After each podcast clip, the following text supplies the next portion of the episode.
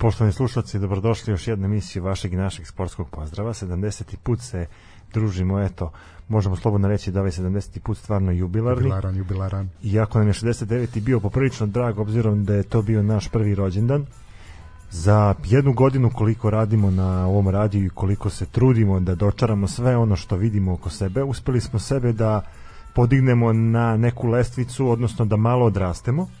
Kad smo kod odrastanja, naš podcast možemo slobodno da uporedimo i sa razvojem deteta u prvoj godini života. E sad, kada pričamo o razvoju deteta, odnosno o razvoju našeg podcasta, ono što smo mi uspeli da uradimo za ovih godinu dana jeste da e, najintenzivnije i najznačajnije promene u, u osnovi svog podcasta a, primenimo na to da počnemo polako da se razvijamo. E kad se razvijemo, razvijali, razvijali smo se i telesno i mentalno i na kraju smo došli do određenih procesa. Razvili smo motoriku, tu prevashodno držanje i pokret glave, trup, ruku i nogu. Razvili smo okolo motoriku i vid. To se konkretno vidi na osnovu toga ovaj kako smo prošli dobro na oftalmološkom pregledu. Ti ja smo prećerali pa nosimo i naočare. Da, da, da. Sluh i govor, vidi se da smo da po, počeli smo da slušamo, dobili smo savete od drugih podcastera i drugih voditelja. Ali pričamo to, to ali pričamo i dalje ovaj i dalje ne možemo da se zadovoljimo sa tih dva sata koliko imamo. Da, niti drugi mogu da nas zadovolje. Niti drugi mogu da zadovolje, to je, to je definitivno tako. I ono najznačajnije što se desilo, znači došlo do razvoja društvenosti. Eto počeli smo da igramo i društvene igre. Tako je pa su pripadnici uh, ovog podcasta imali priliku da prošle nedelje i malo drugačije ovaj proslave rođendan, između ostalog uspeli su i da pređu konačno tu igricu vezanu za Lojza Stepinca. Upoznaj ga. E, ono što je uh, karakteristika celog ovog podcasta jeste da su nama izašli prvi zubići i da smo polako počeli da pričamo i da smo polako počeli da ujedamo. Da, i to e, ono što nas doji. E, pa da, i to ono što nas doji, upravo tako. Znači, shvatili smo da više uh, nećemo da sisamo, sad hoćemo da gutamo.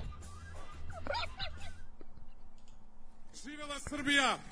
Hvala vam najlepše! Sve najbolje vama i vašim porodicama do konačne i ubedljive pobede 3. aprila. Živela Srbija!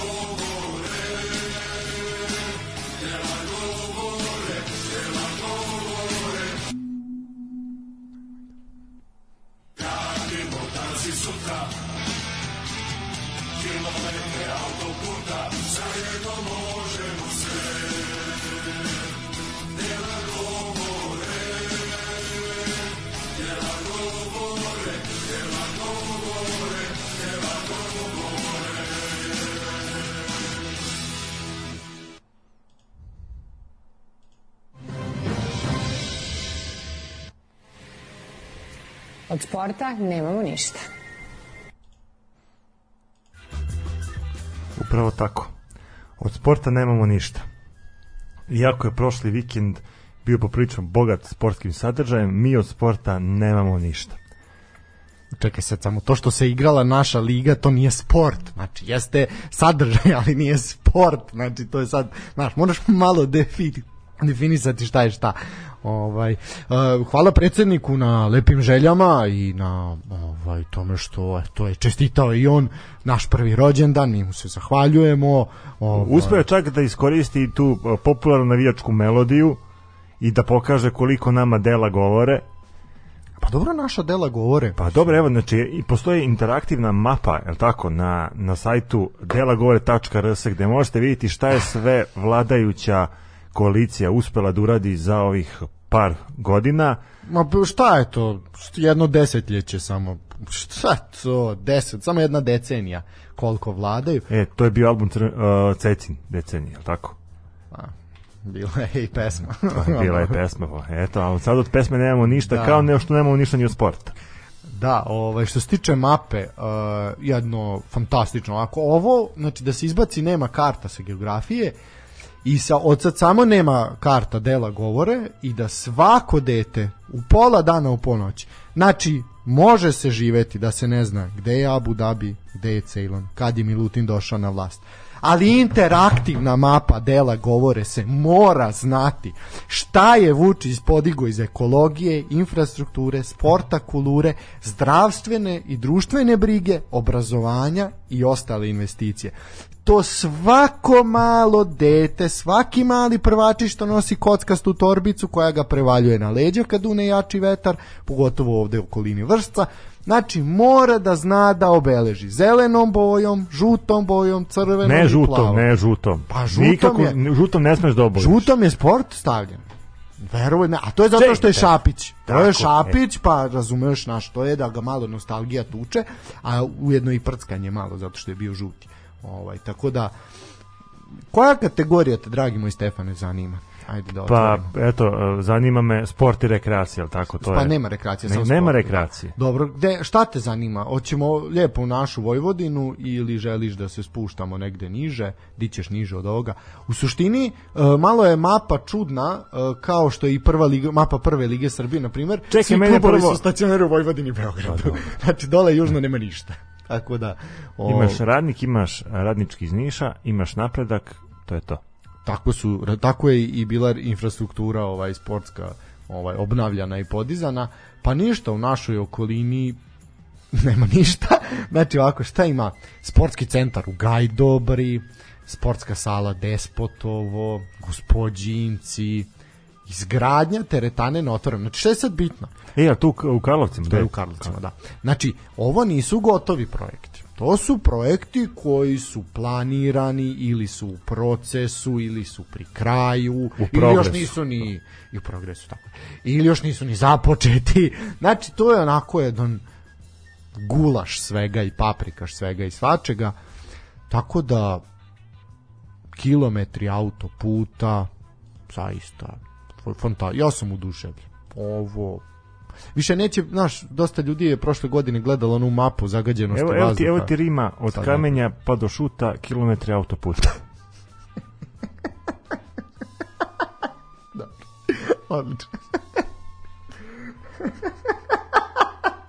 ovo, je, ovo je odlično. Ovo je odlično. Ali vidi sad, naš napadaju za tu pesmu. Ovaj što je to sad uzeto od jedne, a kažu i druge navijačke grupe, ali ajde. Ovaj mo- možemo i mi napraviti svoju post. Što me ne bi i mi isto sportski pozdrav. Sportski pozdrave i tako. Što da ne? Krademo bodove, krademo bodove. Dobro, ajde, sad, sad, sad, sad, sam, sad sam preterao, sad sam preterao, ne, ne krademo bodove, ali krademo nešto drugo. Mislim, ovi naš frižider, znaš kao, kako se stalno puni, mi ga polako, ono, malo po najcrnije, malo. samo ga mi i punimo. To je, znači, krademo sami od sebe. E, pa to je, A to je politika naše države. Krasti samo od sebe. pa ne, ti investiraš, razumeš? Evo da uzmemo najbolji primjer kad smo dobili onu gajbu piva. Dobro. Znači, to su bile strane investicije koje su ušle u naš studio, koje smo stavili u sef zvan naš frižider Dobro. i neravnomernim trošenjem mi smo to, došli u, situaciju da više nemamo. Došli smo u situaciju da nam je ostalo jedno malo pivo Tako je. i mali sok u tetrapaku. I kisela voda. I sad, otprilike ono što će Dobro, sačinjavati- Valaca Lukas pije kiselu vodu. Kiselu vodu. Ja Kiselu vidio vodu. sam danas a, natpis na golfu a, vuče kao Aca Lukas. Znači, fantastično, malo, malo digresija, morao sam.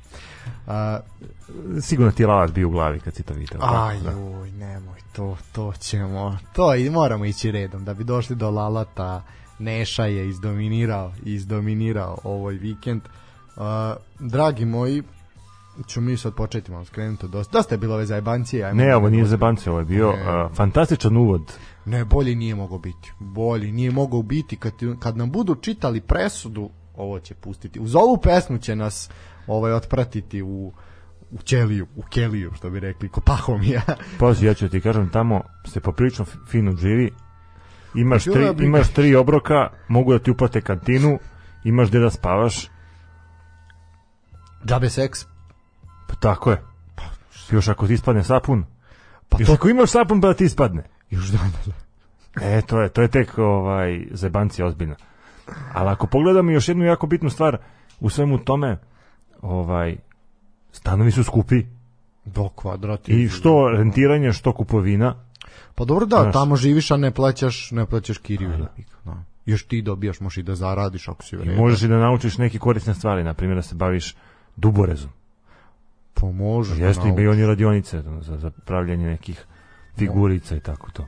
možeš da naučiš i da ovaj i kako se zove pa dobro, kako zadovoljiti muškarca na hiljadu i jedan način mislim i to isto može to je sve ovaj naš široki široki je dijapazon ovaj može odići ako upoznani šta fali Mutika, fina, fina muzika. fino fino no, to je to Možemo sve. sportski, Sportski pozdrave. Sportski pozdrave. Tebe nema više. Sportski pozdrave. E, pa ako se ovako nastavi neće ga biti a ni autora tako da e, zato imamo mi mlade snage koje će sve Tako ovo da izmene. Koje sve snimaju i šalju posle nadležnim organima.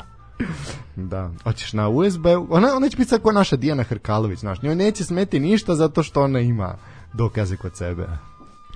Aj, Corpus moj delicti. veliko mi ćemo pasti. Dobro, hoćemo pustiti još jednu pesmicu, pa onda raditi ili ćemo kretati? Pa ništa, idemo sa pesmicom. Može jedna pesma.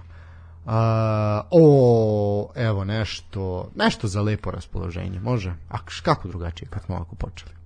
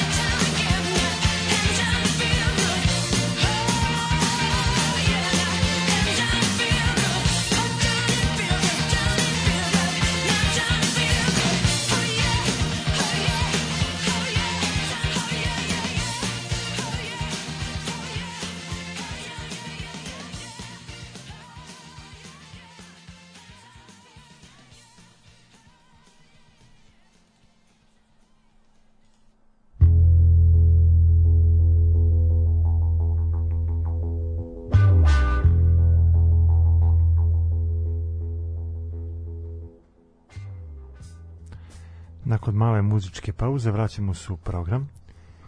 Idemo na jednu drugu muzičku pesmu. Radojka naša je Dara Bumara, svima poznata, imala je... Sveko Radojka, nisam skonto kome se imala, Radojka. Radojka Kesić imala je stih koji kaže molim te majko ne da mu samo da kućni pređe prag, prag. E, kad smo kod Praga Partizan je odigrao svoju utakmicu u nokaut fazi Lige konferencija A, počeli smo citiranje narodnjaka, neće dobro završiti način. Dobro, pa ajde, nismo dugo to radili. Da, osvojen je Prag, ti si dečko bio tamo, kaži ti nama, našu lutajući reporteru, šta si ti video? Ovako, moram prvo da sebe pohvalim što sam uopšte otišao tamo, a drugo što sam uspio da nagovorim još jednog lutajućeg člana ove Izgubljen, kazane, više izgubljen. kazane ekspedicije. Uspio sam da nagovorim Tozu da krene sa mnom i to je poprilično dobro. Dobro je, živ je, umro nije. Tako je. Da, preživeo, to je najvažnije. I mislim da, je, da se dobro pokazao. To mu je bilo vatrno krštenje. E, tu sam mogu da vidim s kakvim kapacitetom on raspolaže, a mogu da vam kažem, poštovani slušalci, da mu je kapacitet poprilično veliki. Mi smo znali da on može mnogo da pojede, ali nismo znali da može mnogo i da popije. Sve u svemu, naš Toza se fino proveo u Pragu, a i mi smo. Kada smo kod utakmice između Sparte i Partizana, eto, ona se igrala u 19 časova, možda je i dobro što se igrala u to vreme. Mi smo očekivali hladnoću i jak vetar koji je bio dan ranije i neko promenljivo vreme, čas sunce, čas kiša, pa neki u, užasan vetar. Međutim, u momentima kada je Partizan igrao tu svoju utakmicu, vreme je bilo poprilično stabilno, bez padavina, bez vetra, tako da je eto Partizan imao mogućnost da igra po nekim normalnim okolnostima i normalnim uslovima. Šta reći? Prvo poluvreme, odnosno prvi 10 minuta u kome Partizan pokazao neku dominaciju i to je po meni možda bilo sve što je Partizan pokazao kad je u pitanju prvo poluvreme. Nakon toga prepušta terensku inicijativu Sparti i ja sam stvarno bio ubeđen da će u jednom momentu Golom Popović morati da kiksne. Ono što me je iznenadilo kod igrača Partizana je to što su se oni sudarali, pa je bilo nekih uh, nefutbalskih poteza, što smo uspeli da vidimo neke scene kao da oni prvi put igraju futbal i stvarno to prvo poluvreme je bilo poprilično razočaravajuće, opet Sparta je napadala, tražila svoju šansu, tražila svoju priliku, međutim nakon 45 minuta 0-0. U drugom poluvremenu Partizan se promenio. Vaskrso je, čini se da su uspeli sa par izmena e, da se nekako dovedu u red. Trener Stanović je napravio par nekih rezova i ono što je najvažnije po meni, što mi u početku delovalo poprilično konfuzno, jeste ulazak e, Marka Jeftovića. Mislim da je on bio taj džoker koji je uspeo da neke stvari dovede u red. Nakon toga e, Partizan je počeo mnogo drugačije da igra i stvarno opet e, svaka čast e, odbrani Partizana koja je delovala sigurno kao jedan bedem koji mislim da su, da su utakmica igrala jo- još par nekih minuta ne bi Sparta uspela da postigne gol nikako. Partizan se u drugom poluvremenu preporodio. Opet kažem, ta defanzivna linija je izgledala sigurno čvrsto, ni nalik na ono i u prvom poluvremenu. A eto, Partizan je uspeo iz jedne, pa da kažemo, nonšalantne ideje da na kraju postigne taj pogodak koji mu je doneo prednost u ovom dvomeču. Na radu svih nas koji smo imali prilike da gledamo tu utakmicu, ova pobeda je mnogo vredna, obzirom da je Sparta još uvek jedan od a, ozbiljnih klubova, kada pogledamo a, renome i reputaciju koju ima ovaj futbalski klub, što u Evropi, što u češkom futbolu. Pa i u svetu. Pa i u svetu, definitivno. Ako pogledamo i tu situaciju da je Sparta do sad izgubila samo dve utakmice kući, jednu od Monaka i jednu od uh, Liona, e, možemo stvarno da vidimo da je eto Partizan uspeo da napravi ozbiljno iznenađenje na stadionu Letno u Pragu. E, šta još reći? Eto, e, Stanović je uspeo da, da neutrališe Spartin napad, pogotovo u drugom poluvremenu, uspeo sa nekim izmenama da e, napravi i promenu u svojoj ekipi. E, čini mi se da je ulazak e, Marka Milovanovića bio dodatan plus za ekipu Partizana u drugom poluvremenu. nekako mi se čini da je bio mnogo konkretniji i da je mnogo veći problem stvarao nego Ricardo u prvom polovremenu. Definitivno da. Opet kažem, ovo je jako bitna pobeda za Partizan i nadamo se najboljem u revanšu. E sad, e, šta još reći, e, kad je u pitanju Partizan, e, bilo je prisutno, prisustvo i navijača Partizana u jednom određenom broju. Mislim da je njih oko 150 bodrilo Partizan i pored samog osjećaja da je na stadionu bilo dozvoljeno samo hiljadu navijača. Opet to je dalo i motiv igračima Partizana da, da pokažu sve što znaju i opet kažem još jednom velika pobeda Partizana na vrućem gostovanju u Pragu. Pa da, ovaj, mislim, stvarno ne treba sad nešto puno ovaj, dizati u nebesa ovu pobedu, e, ok, pobedu kao pobedu, ali igru Partizana, jer je ona zaista u ofanzivnom smislu bila jako loša. E, ono ko je bio najbolji na terenu bili su štoper, odbrambena, odbrambena linija zapravo štoperi, bekovi su bili izuzetni, Ja moram da pohvalim Miljkovića, meni Miljković koji će odigrao utakmicu karijere. Znači, ljudi mogu da mu se pamtim smeju za onaj centar šut gde kažu da je, Apsolutno. da je uputio raketu ka, ka Ukrajini, ali, Dobro, da, ali- ali od njega ofanzivno mi ništa nismo očekivali. Da, On je je defanzivno uspeo da, da stavi u džep a, klinca koji vredi 15 miliona evra. Tako je. I koga smatraju naj- jednim od najvećih talenata češkog futbola. Čovek koji će biti najveća ovaj ono prodaja Sparte vratno u narednom periodu. Uh, Natko je bio poprilično slab na primer. Zdjelar je bio fantastičan, Meni je, na primjer, Zelar bio uh, u prvom polovremenu Onako. malo kritičan, ali u drugom, ali u drugom je stvarno pokidao, dobro je odigrao. Pokazao sve. Uh, Milovanović, ulazak Milovanovića je da napravio razliku, prava je šteta što se ono nije što nije postignuto onaj drugi Partizan, pogodak. eto, Partizan mogu i do tog drugog Da. gola. E, to bi bilo ni iz čega, realno.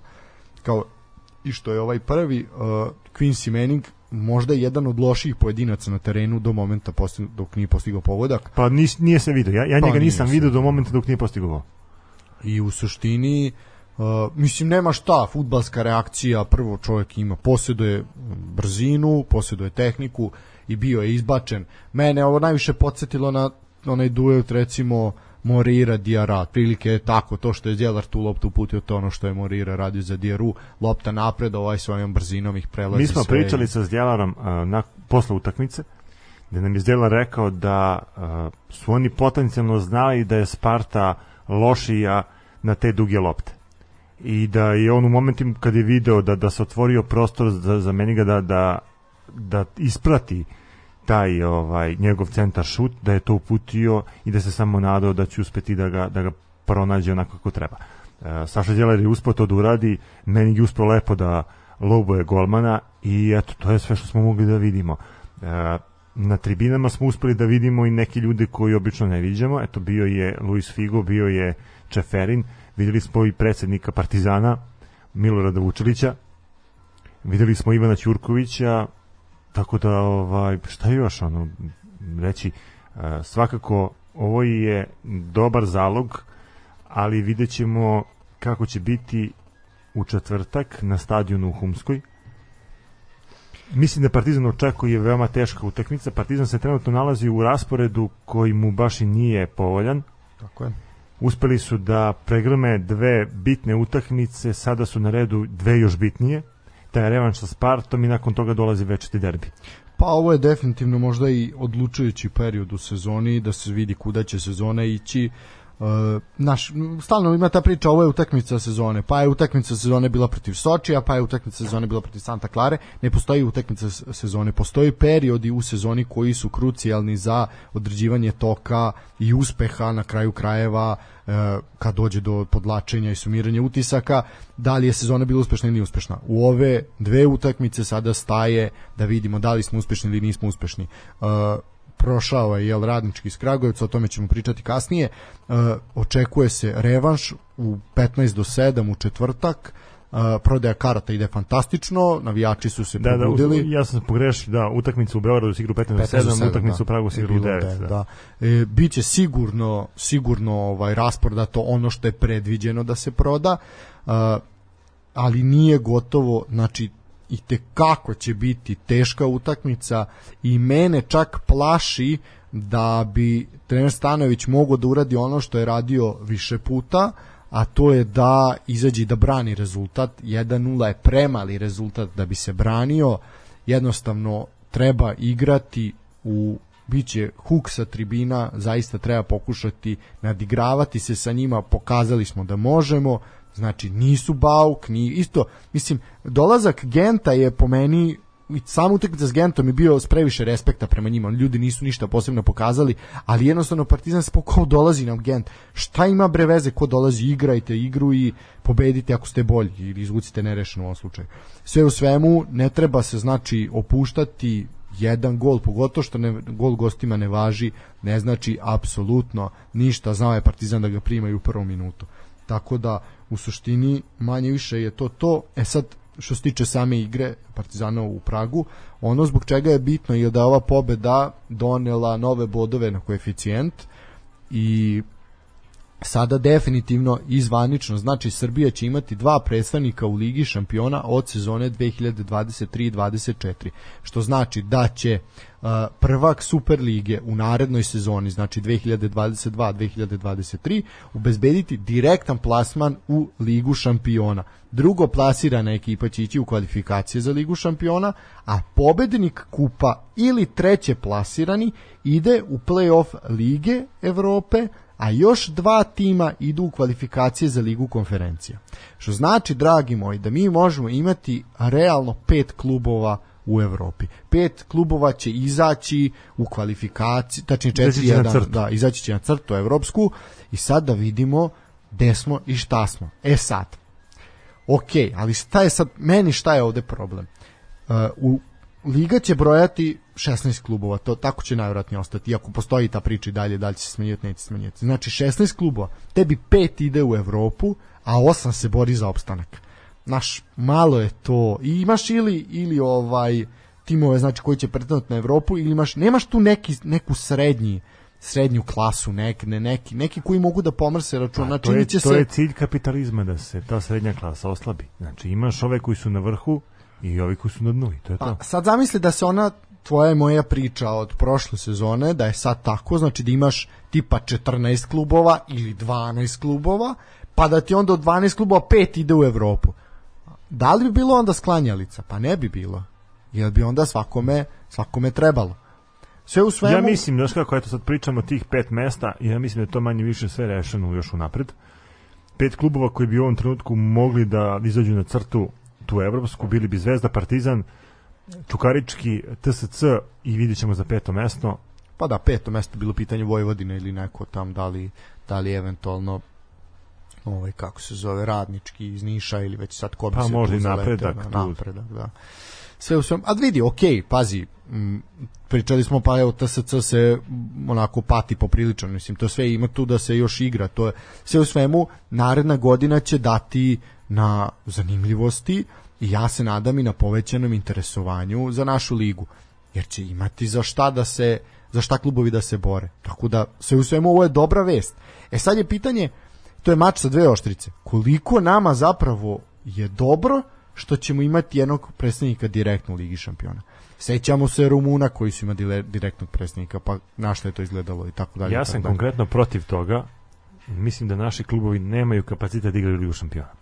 Mislim da u situaciju u kojoj se mi nalazimo, gde se ulaže tako kako se ulaže u taj naš futbol, kakav god da je, da jednostavno nemamo mogućnosti da izađemo opet na tu evropsku crtu ovim velikanima koji se nalaze u Ligi šampiona. Mislim da je pravo merilo i najbolji reprezent srpskog futbala taj odnos u Ligi Evrope i Ligi konferencija. Koliko god nekim ljudima to delovalo čudno, jer opet kao ljudi se taj krem ovaj, svetskog futbala, odnosno evropskog, ako pogledate e, da pojedinim klubovima ovim velikim globalnim, te utakmice sa eventualnim Dinamom, Zvezdom, sa između ostalog i Kopenhagenom, radim za Zenitima, nisu značile ništa u prvim grupnim fazama, da je tek Liga šampiona počinje u nokaut fazi i onda vidite o čemu se sve tu radi. Mislim da je mnogo bolje da gledamo naše klubove konkurentne u Ligi Evrope ili u Ligi konferencija, nego da ih gledamo kao vreće za udaranje u Ligi šampiona. Pa ja se slažem, pogotovo što je sad sistem kvalifikacija takav da bukvalno prođi prvo kolo kvalifikacije u Ligi šampiona protiv nekog Trepenea ili već nečega, ovaj ono neke, no sad ne smijem više reći Flore i Stalina, pošto je Flora ta iz Stalina pobedila Partizan, prođi prvo kolo i dalje i da sve izgubiš opet u Ligi konferencije.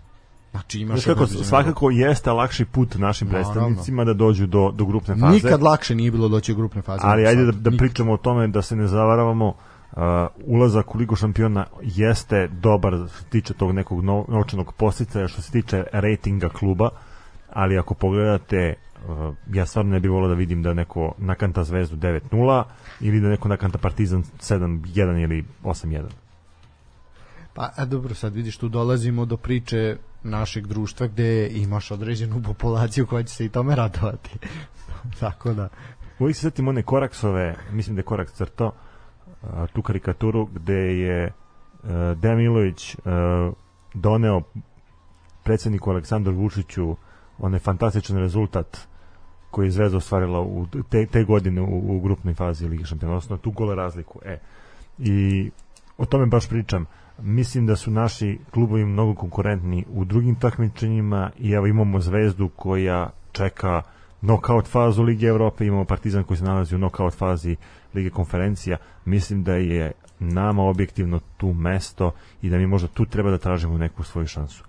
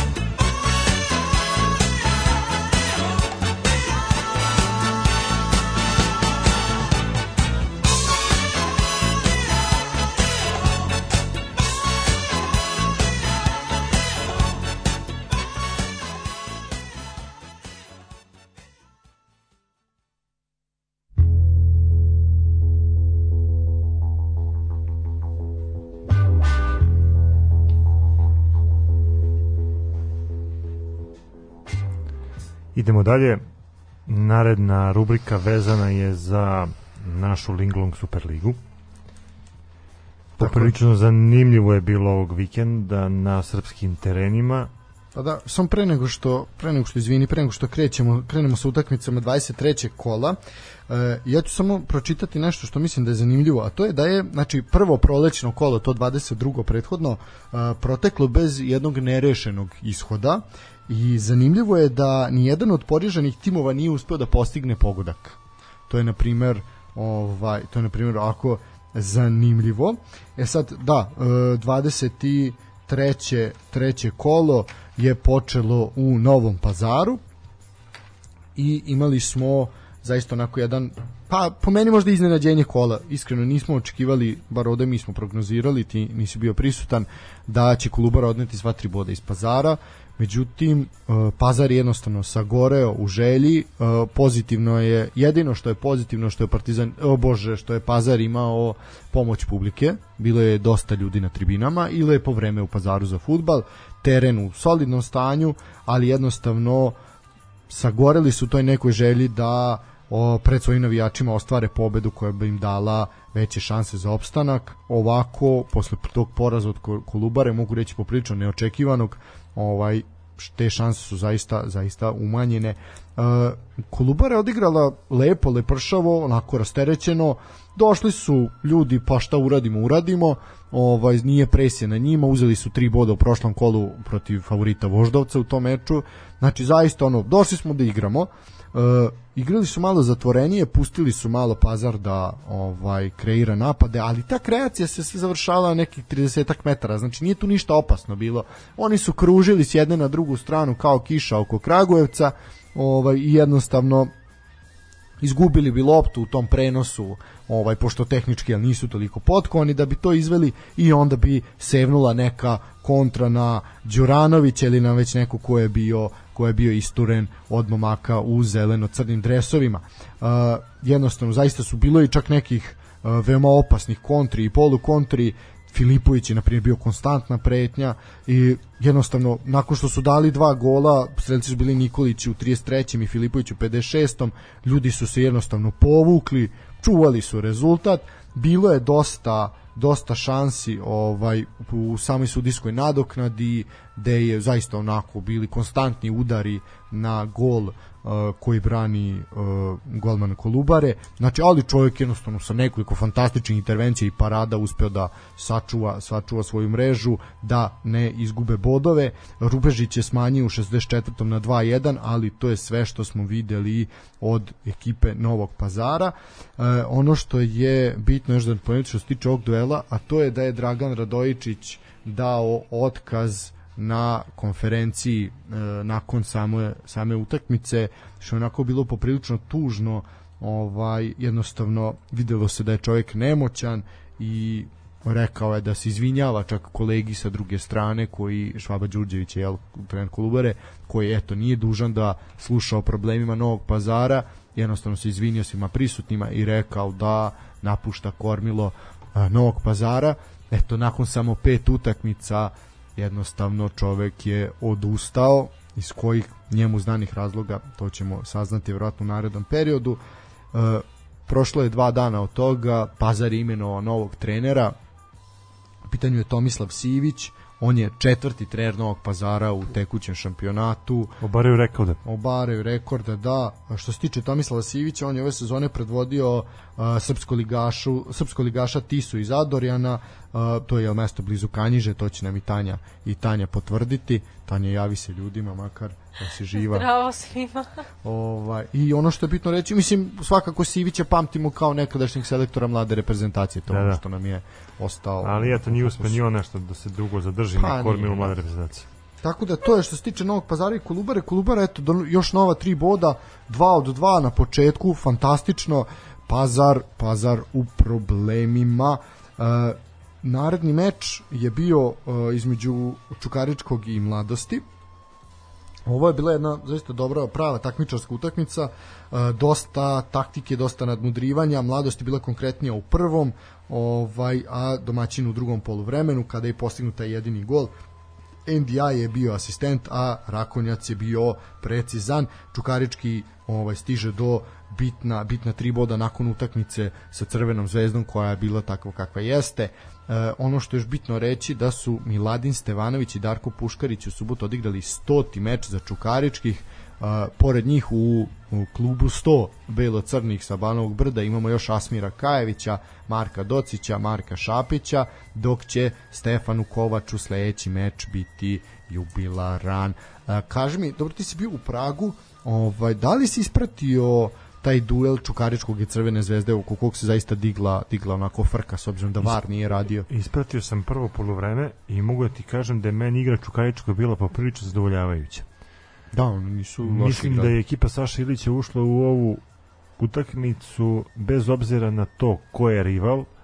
Trudili su se da ostvare neku terensku inicijativu, da napadnu sa boka i to je mi u par navrata čak izgledalo poprilično dobro. Međutim, nakon toga sve pada u vodu kada Zvezda postiže taj prvi pogodak. E, ekipa Čukaričkog je probala nekako da se vrati, ali eto nisu uspeli, Zvezda na kraju dala i taj drugi gol i to je bilo to. E, ali svakako mislim da se ekipa Saša Ilića nije obrukala, igrali su otvoreno, pa šta, šta im Bog da. A kaži mi komentar na to da VAR nije radio prvih 28 minuta i to, kako je to utakmica sam naknadno počela. čuo da. se desilo, eto to je ozbiljan prestup kad je u pitanju uh, ta zajednica futbalskih sudija ili kako već ta komora koja koja je zadužena za VAR tehnologiju, mislim da to ne bi trebalo da se dešava u našem futbalu i da je to ozbiljan propust. E sad, na nadležnim institucijama je da utvrde zašto je do toga došlo i ja bih stvarno volio da čujem gde je razlog i ko je razlog za ovakav propust. Pa da, i pritom ako je VAR sastavni deo uh, utakmice, Onda znači, možda utakmica ne bi im trebalo da počne ako VAR nije je. pravovremeno uključen. Tako je, mislim zaista zaista ovaj onda ispada da je neregularno, jel? Ne možete, ne možete to raditi onda. Ako je sastavni deo, ali tu vidiš da tu i on nije prvi put da imali smo još situacija gde je VAR nije radio ili ajde sad da ne kažem gde se nije oglašavao, ali jednostavno nije bio u funkciji. Znači ako nije u funkciji onda ne može utakmica da Znaš počne. kako, ti imaš pripreme, eto, mi, mi radimo ovu emisiju već godinu dana, mi vršimo pripremu pred svaku našu emisiju. Dobro, u većini slučajeva da.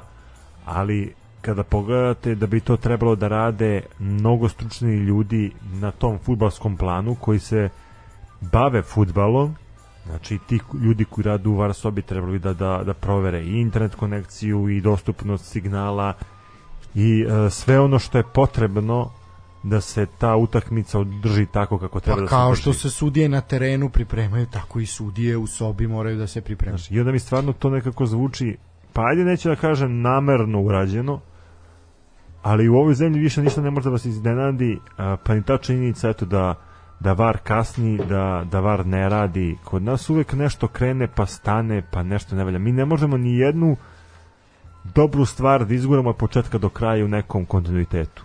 E, to, to je problem. Pritom, eto, mi smo pričali više puta o tome kako su ti ljudi koji su se e, nalazili u tim VAR sobama prethodno išli na edukaciju o tome kako se koristi VAR, e, kako treba da se ta funkcija obavlja i nakon određenog perioda vi bi trebalo da krenete da radite to već rutinski i onda doživimo ovo što smo doživjeli prošlo kolo.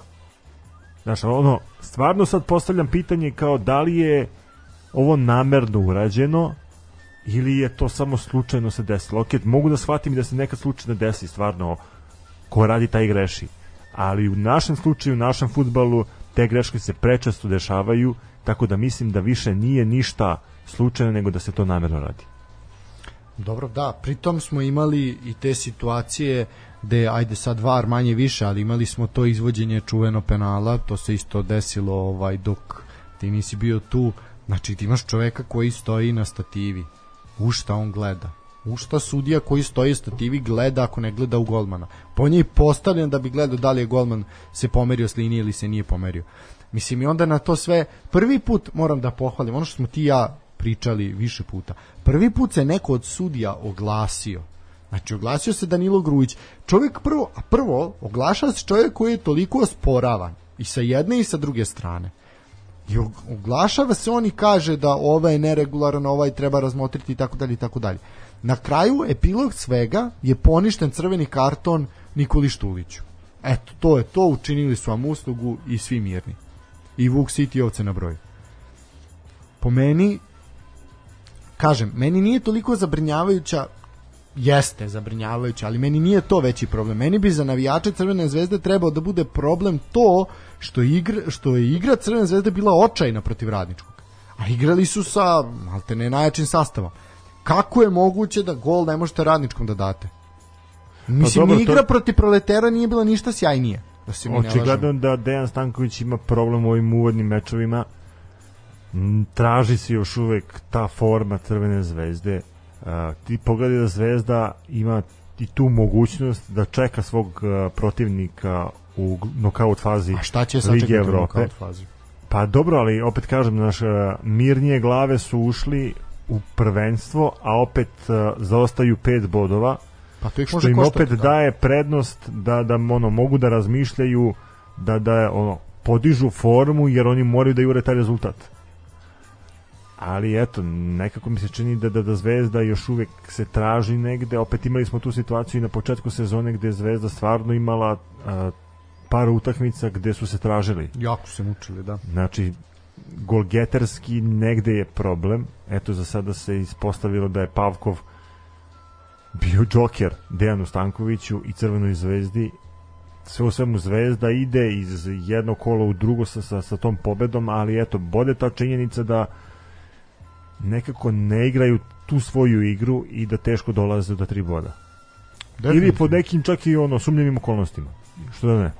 Pa svakako, ovaj sve u svemu uh, problematično, problematično je bilo uh, no ajde ispratit ćemo i prokomentarisati i poslednju utakmicu koja se odigrala u subotu pa ćemo onda preći na Zvezdu i na nedelju ovako TSC Spartak na TSC areni uh, Spartak je došao u Topolu bez Tufekđića i Nikolića i jednostavno i nisu mogli više od ovoga što su prikazali. Subotičani jesu poveli pogodkom Roševića u osmom, u osmom minutu ali je TSC izjednačio do poluvremena preko Milićevića i onda jedan fantastičan pogodak mladog Ratkova koji je onako iz okreta šutirao u malu mrežu zaista svaka čast momku. Uh, prekinuli su mini seriju od dva poraza s druge strane Spartak dve vezane izgubljene utakmice i sada od borbe za Evropu polako dolaze do te granice play play outa što se tiče igre TSC napomenuti da je Žarko Lazetić krenuo sa št tri štopera i onako u suštini je to podsjećalo dosta na onaj period kad je Mlade Krstajić bilo, bio, se, bio trener, pardon, bio selektor, bio trener TSC a, jednostavno Spartak jeste imao šanse, ali utisak da su bili dosta dosta bledi. Ovaj jednostavno vidi se da je tu i ta promena trenera koja je bila još uvijek tu sad nije selo sve na svoje mesto. E sad uh, trebalo bi taj problem rešiti da ne bi postalo dramatično do kraja sezone, ali utisak moj sa ovog meča je ok, solidno popunjene tribine, iako je vreme bilo dosta šmrljavo, Tanja i ja smo trebali da budemo na tim tribinama, međutim jednostavno smo odustali, ovaj, mislim jeste bio je ok futbal, ali ono što je meni e, veći utisak je to koliko je Petar Škuletić van forme bilo kakve. Znači, ono je toliko mučno za gledanje, čovjek se toliko muči Stefane, on ne može da pogodi ono sa mola u more, ne može da ubaci, znači katastrofa. Mislim, vidi se da je bio bez kluba, vidi se da nije igrao dugo, a jednostavno je najzvučnije ime tamo sada i naravno od, nje- od njega se mnogo očekuje, pritom sad govorimo njegovi igrački kvaliteti u prošlosti su stvarno impozantni. Čovjek koji je uspeo da, da ostvari jednu karijeru ozbiljnu ozbiljnu, evropsku da. karijeru. Kad, pogleda, da. kad pogledamo na to da je on a, napadač i da je napadačima jako važno da postižu golove i da igraju u kontinuitetu, on nije igrao u kontinuitetu i možda je veliki pritisak psihološki na njemu da a, ulazi u utakmice kad pogledamo i fizičku spremu, uh, on je došao na, na zimu, pitanje je u kakvoj je kondiciji, u kakvoj je formi. Svakako, mene raduje što je došao u ekipu TSC, To, to nije sportno, da. znači njemu će minuti biti zagarantovani, ali on mora da radi i mislim da će vremenom doći u tu potrebnu formu, i da će biti onakav kakav je bio ranije i kakav je prepoznatljiv svim ljubiteljima futbala. Pa ja se iskreno nadam jer je on neophodan TSC-u. Ok, sad su se provukli kroz neke iglene uši jer je Spartak bio takav kakav je bio pogotovo što je Spartak bio bez dva najbolja igrača, to je Tufekđić i Nikolić. Uh, by the way, Tufekđić je potpisao novi ugovor sa Spartakom. Ovaj, jednostavno, bez dva najbolja igrača, oslabljeni, to je u suštini to, ali šta bi bilo da su bilo ova dvojica? Znači, jako bi se mučili. No dobro, ovaj, svakako pre, bit će bor, borba i zanimljiv put i TSC i Spartaka do kraja sezone. Uh, e sad, e, imamo već nedeljni raspored. Uh, ćemo odmah ili ćemo napraviti kratku pauzu? Možemo jednu malu pauzu. Može, može jedna pauzica, malo kratka, pa ćemo onda pričati o ovome. Sad vidim šta ćemo pustiti. A ja, vidi pjesmice, vidi pjesmice. rock me, rock me, rock me, rock me, rock me. I'm not even stupid.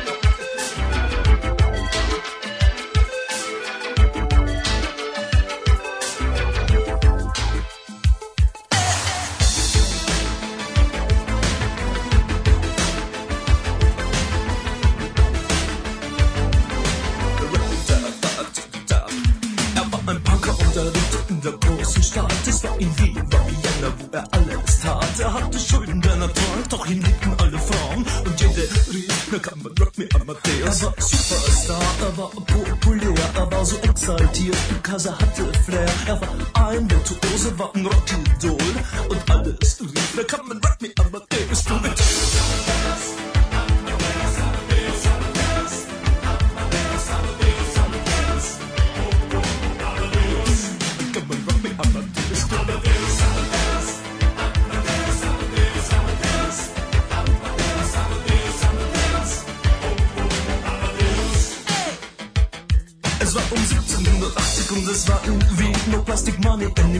Banken gegen ihn. Woher die Schulden kamen, war wohl jedermann bekannt. Er war ein Mann der Frauen, Frauen liebten seinen Punk. Er war ein Superstar, er war so populär Er war zu exaltiert, genau das war sein Flair. Er war ein Virtuose, war ein Rocky Doll. Und alle suchten heute Captain Rock Me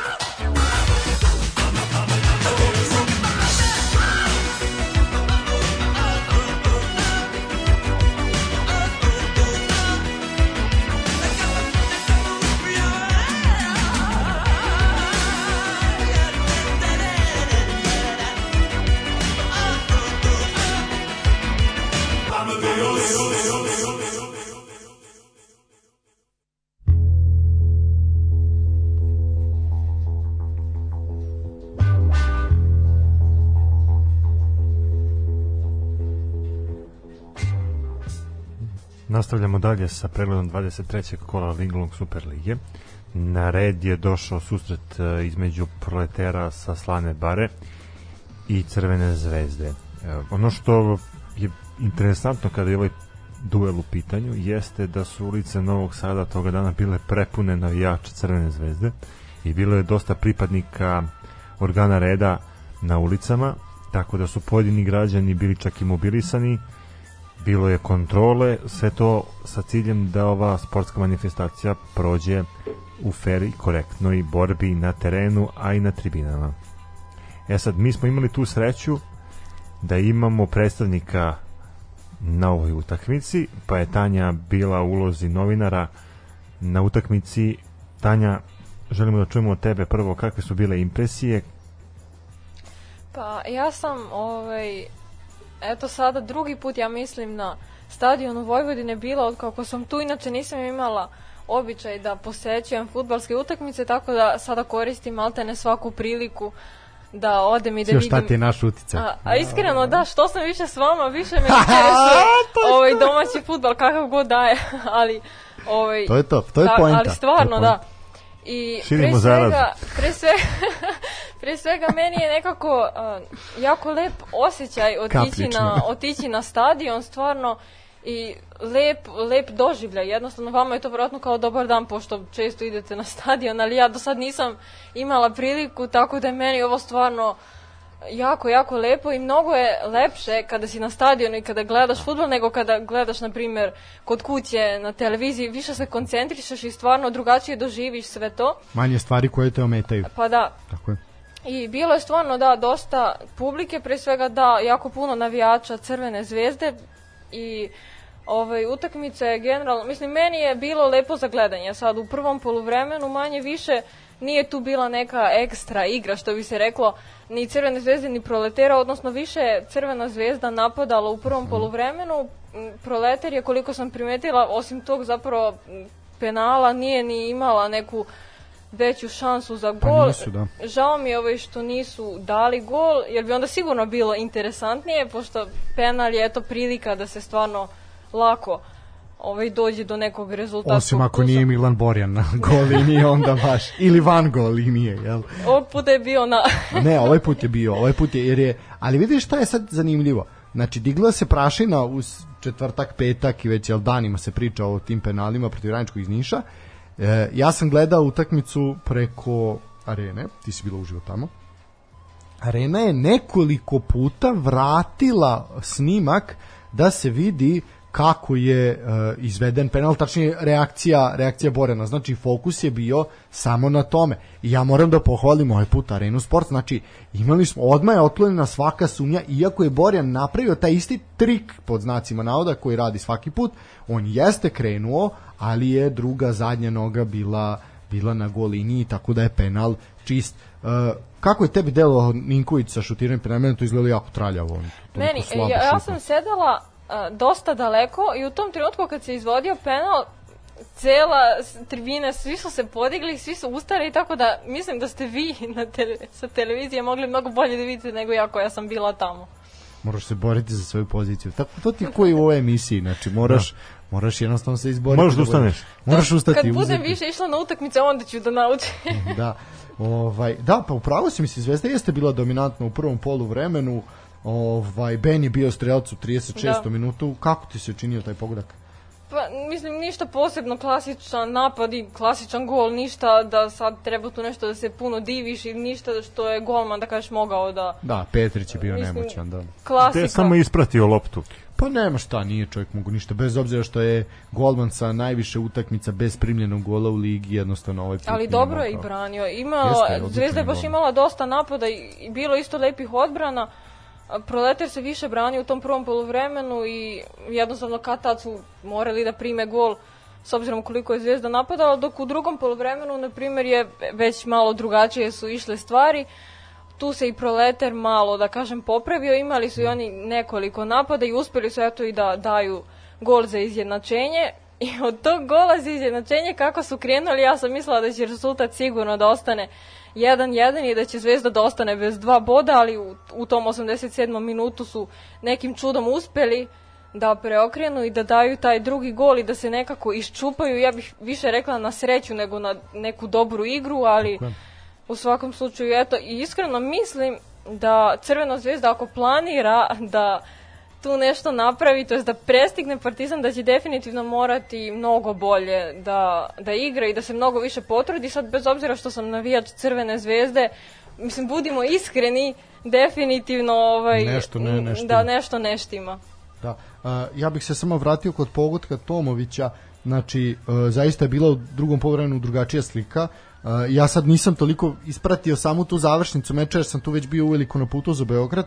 Ovaj jednostavno proleter je pritisnuo, nije dao Zvezdi toliko da se Da. razmaše, pritisnuli su ih jednostavno i presingom na njihovoj polovini i mogu reći pa vrlo lepa akcija kod pogotka proletera s obzirom da je Da, Ninković da. jako lepo ostavio loptu Tomoviću koji je fantastično šutirao, bio precizan šut i nije bio tako jak, ali je bio izuzetno precizan. Pritom kad smo kod tog drugog gola Zvezde, a, gol je krenuo tako što je Boren ispucao loptu ka a, drugom delu terena. Pa da. A, sa leve strane je usledio centar šut Rodić je fantastično Da, centrirao, centar. nema šta. i to znači matu tri poteza. Pa da, mislim, nema šta. Centaršut, centaršut Rodića koji je zaista dobro centrirao, Trzaj Pavkova, Petrić jednostavno bio bio nemoćan i, i nema šta. Svaka čast i Rodiću i Pavkovu jednostavno. To je negde i neke udarne igle Crvene zvezde ovaj koje izvlače nekako kestenje iz vatre kad je kad je to problem. Mislim, utakmica je bila prilično zanimljiva i dobra, e sad bilo je puno tenzije i nervoze, e, pogotovo u drugom poluvremenu, ovaj, i tu je čak došlo i do, do ovaj nekog koškanja jel, Da, na da. sredini terena, ovaj, a to je zapravo nakon gola Pavkova, tu je došlo do neke gurkanja i opet. Pa I da, opet je na Borjan bio, već. opet je Borjan bio u glavnom fokusu i mislim da bi neko zaista trebao malo da mu skrene pažnju da da malo ovaj smiri doživlje. Znaš kako, mene ta njegova kapitenska traka podsjeća na, na redara u školi. Znaš, je. ali Da. stvarno. Pa je u vrtiću više. U, u momentu kad se sve nešto desi, razumeš, on trči nešto tu da se gura, da, da ispravlja Da, ne krive brži je, da. da, da. da. Da, da, kao, da li ima dosadno na golu, pa onda kao fazonu, ja, kao, kao nešto se desi da uđem, da napravim, Možda njega nešto da zaradim drugo, platu. Nešto drugo frustrira. A dobro, zaradi platu, čovjek skino penal. Možda neke druge frustracije on ima, da ne kažem privatno, pa onda to privatno donosi na posao. To je najveća greška koju može neko da napravi. Da privatne probleme prenese na posao i posle na privat. Pa tako je, ne treba mešati privatne stvari sa poslovnim. Ne treba porodicu uplitati u pos, posao, jel treba, moraju nije dobro kad svog partnera upletete u posao, mora partner da bude van toga, jel da bi ta zdravo, da bi veza ostala zdrava. Tako, slažem se. Dobro, što se tiče sudije, uh, aj dosta smo pričali o sudijama, ovaj put mislim da je Živković odlično sudio, ovaj mislim da je neka jedina greška bila nepokazivanje žutog kartona Andrejeviću koji je ovaj to zaista zaslužio. Penal je bio čist, ovaj zaista onako mislim da je mislim da je zaista dobro dobro odradio i ovaj put sudija zaista nije bio u fokusu što je isto dobro da konačno imamo utakmicu da se ne priča ne priča o sudijama. A sad e, zašto sam ovo rekao? Zato što se pojavila vest i nije samo pojavila vest nego su pojavili rezultati testiranja gde je čak sedam sudija palo testiranje fudbalskog saveza i sudijske organizacije što je poprilično zabrinjavajuće. Evo, o tome smo pričali više puta, i eto opet se dešava. Ne uče. Pa ne uče, ne možeš ti da sediš kući, izlasci, ne može to tako ljudi moji, mora se učiti, mora knjiga, nosiš knjige, ali tako Tanja ti sad to Misliš na ono testiranje pravila igre i to? Da, da, da, Stvarno su pali. jesu. Nekoliko ih je palo na fizičkoj spremi, a bilo je ko je pao i na poznavanju igre. Sad tačan broj ne znam, ono to sam pročitao pre, pre nekoliko dana pa sam budem iskreni zaboravio. Ovaj, sve u svemu, to je, to je naš problem. Uh, dobro, što se tiče Učite, zvezde- učite sudije danju i noć, učite sudije sezona će proći. Sad su se i pravila promenila, tako da...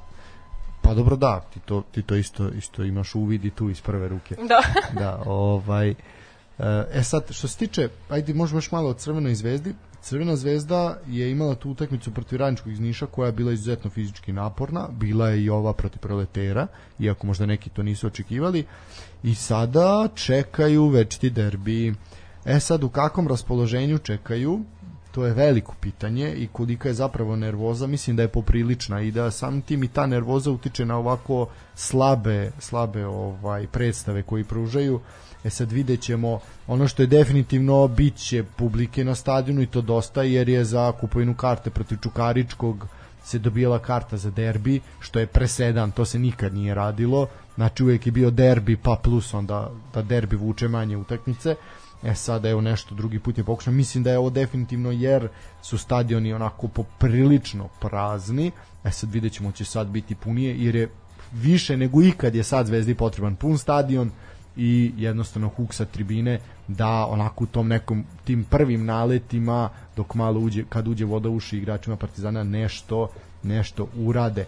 Uh, ajde pričat ćemo o večitom derbiju, možemo ispričati onda i priču o Partizanu što se tiče ovog vikenda. Uh, Partizan sa delimično kombinovanim sastavom u odnosu na utakmicu u Pragu, nije bilo Zdjelara, tu je bio mladi Terzić, Nije bilo Popovića, nije, nije bilo, Popović- Miletića. Tako je, nije bilo ovaj ni Obradovića, bio je Andrija Živković je igrao na desnu Miljković bilo. Miljkovića, da.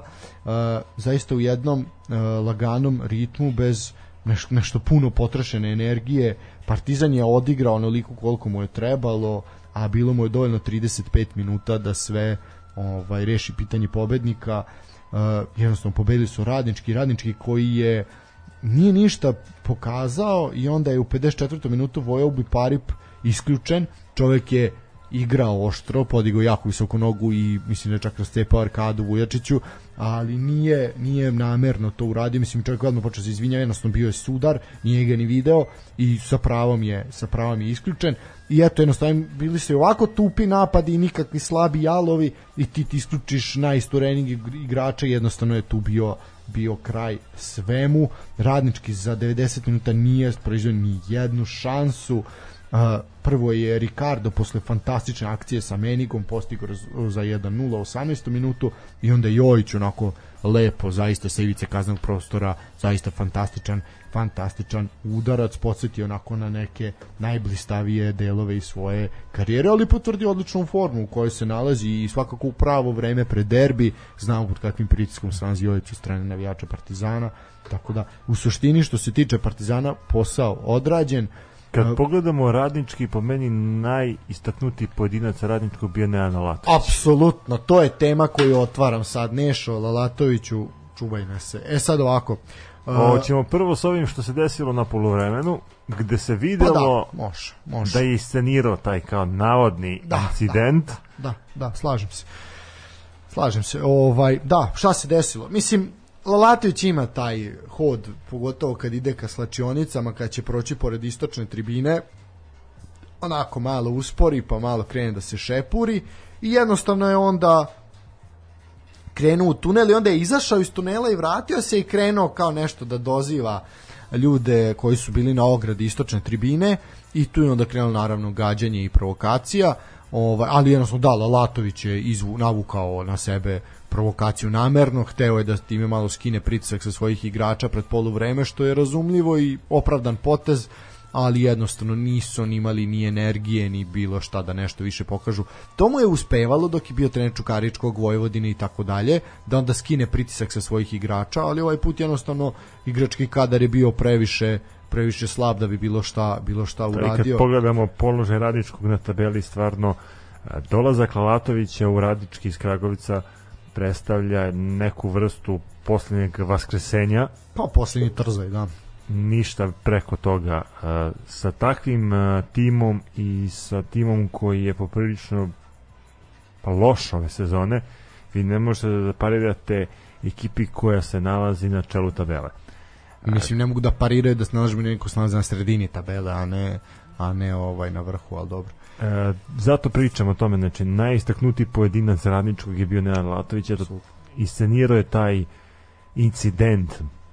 Da, i onda nakon toga naravno da će drugo poluvreme biti fokusirano samo na njega i apsolutno ono ps- 80% vremena je navijanje sa stadiona bilo ovaj usmereno ka Mada moram, Lalatoviću. moram da kažem, eto, navijači Partizana su me prijatno iznenadili. A, opsegom pesama koje Da, su nije bilo čisto miksovali, vređanje, koje da. su ubacivali i koje su prepevavali, a u kojima se spomenje Nenad Latović. A, na kraju smo da ti i ja saznali nekim insajderskim putem da je postojao čak i čovjek koji je uzeo prašak za pecivo to, taj kralj, znači svaka čast čoveku koji se setio da uzme prašak za pecivo i da ga zapakuje u male kesice i da tim kesicama gađa Lalatović. Ja, što bi rekao Svetozar, vidim, Standing ovation. Standing ovation i rest offense znači svaka čast, svaka čast. Živeće kreativni duh ovog naroda zanavijek, možda i ako ove države ne bude bilo nekad u budućnosti, ali ovaj Ali narod će- kesica. Kesica će uvek biti, ali ovaj narod će živeti vječno, navijek, svaka čast. Tom kralju nek se javi, znači mi ćemo pokloniti Dobit ćemo Hanđija. dobit će sigurno nešto, dobit će Đanija Ćučića. ovaj, a- E, bravo, bravo. Pa to je bravo. to, to to je je ideja. prigudan poklon za stvarnog istaknutog navijača i jednog velikog inovatora na Ali kad, ja- kad su u pitanju incidenti i gađanje na, na sportskim priredbama. Ja, e, remećenje javnog reda i mira na sportskim igralištima Tako je. i borilištima, ali ja bih apelovao i na marketing službu futbolskog kluba Partizan da čoveku obezbedi Ne, dož, ja bi doživio Sad kad si krenuo da pričaš kao ja apelujem na marketing fudbalskog kluba Partizan, ja mislim da, bre, da brendira te kesice. Ajoj, na, dobro, to bi već bilo malo. Ispalo bi da se neko zajebava sa Lalatovićem, a mi sad to baš nećemo. Latović je ozbiljan stručnjak. Mi nećemo sad da se sprdamo sa njim. Ali potez je vrhunski. Šmekerski je potez, znaš. Mislim, šmekerski kao što je i Nenad Lalatović šmeker. Takav je i potez. Ono što je meni iznadilo kod Latovića i što mi je jako zasmetalo je to što ga nisam vidio u njegovoj tradicionalnoj fluorescentnoj uniformi. A da, zato što sad je... Sad su drugačije boje, drugačiji je sponsor. Ali Slavoljub Đorđević je nastavio A, trend, da. Ali vidi, uh, opet je bio u svojoj tradicionalnoj uniformi, a to je uh, prsluk preko da. svega. Ne znam da li si video da je Mozart rekao da će nabavljati prsluke koje nosi Nenad Lalatović. Da si to ispratio. nisam Ne, bila se, pojavila se vest na Instagramu kao što su delili dresove šerifa i tako dalje. Ovo, eto, bit će akcija dodele Podržavamo Lalatovićevih to. Prsluka. Ja mislim da je to forica. Treba svi da se oblačimo kao Nenad Lalatović. To je to. Ne, Ovaj. njegov styling sportski je stvarno ono, avangarda za, za ostale sportske Ali trenere. generalno je on avangarda sam za sebe, mislim, sad da se ne lažemo, čovek je pojava. I onda se pita zašto smo se toliko radovali njegovom povratku. Pa da imamo čemu da pričamo već 15 minuta. E, a onda se desilo, uh, eto, utakmica se privela kraju, sudija odsvirao posljednji zvižduk, futbaleri su krenuli ka slačanicama, a treneri na izjave, čuli smo trenera Stanovića i onda je na red došao Nenad Latović koji je imao dosta toga da poruči navijačima Partizana, funkcionerima Partizana i izgleda svima onima koji se ne slažu sa njegovom politikom. Dobro, da, ja ću sad pročitati izjavu, pa ćeš ti dati Da, komentar. budi ljubazan da to. Znači ovako, otvoreni navodnici. Uh, da li da, da li da pokušat ću da uđem u ovaj Uđi onako teatralno. Uđi ću teatralno, da. Moram malo da onda ozbiljnosti dam. Daj mi malo samo, eto.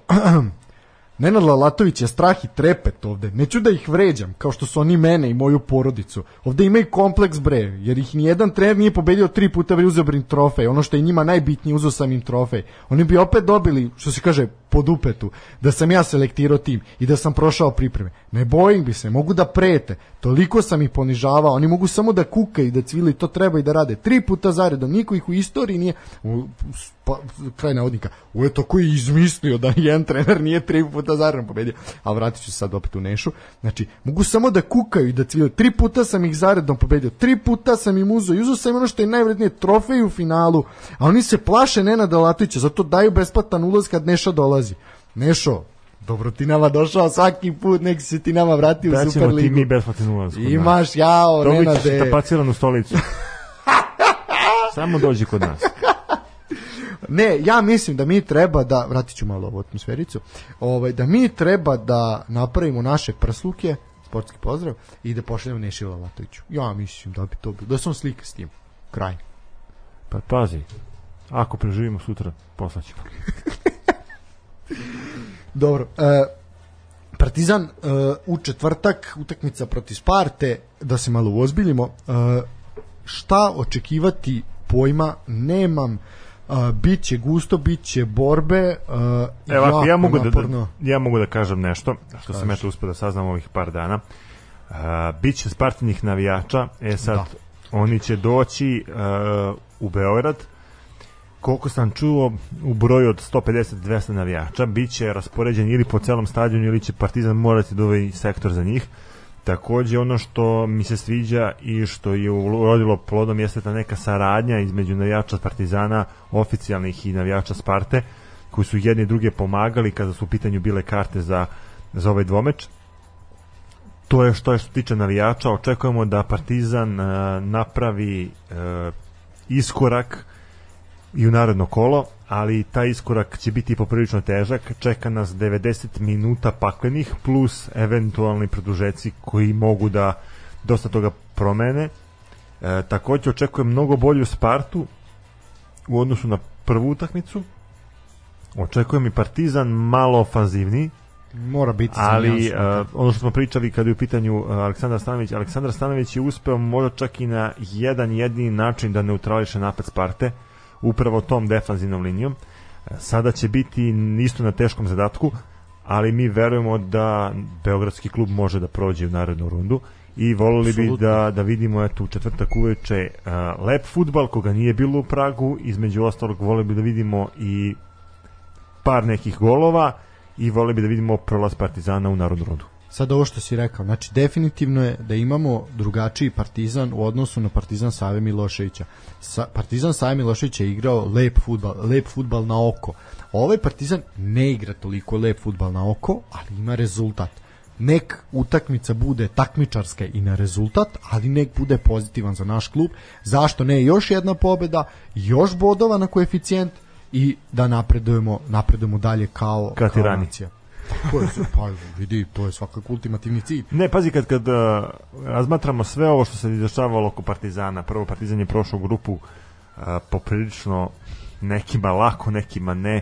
Doživo, Pa, krenulo je lako, pa je onda bilo doživo je da, jednu popucka. veliku blamažu koja ga ono dugo godina će sigurno pratiti. Naravno. E, imamo tu situaciju da da je posle priprema stvarno e, klub e, počeo drugačije da razmišlja. Opet kažem, e, Stanović za sada radi posao u interesu Partizana.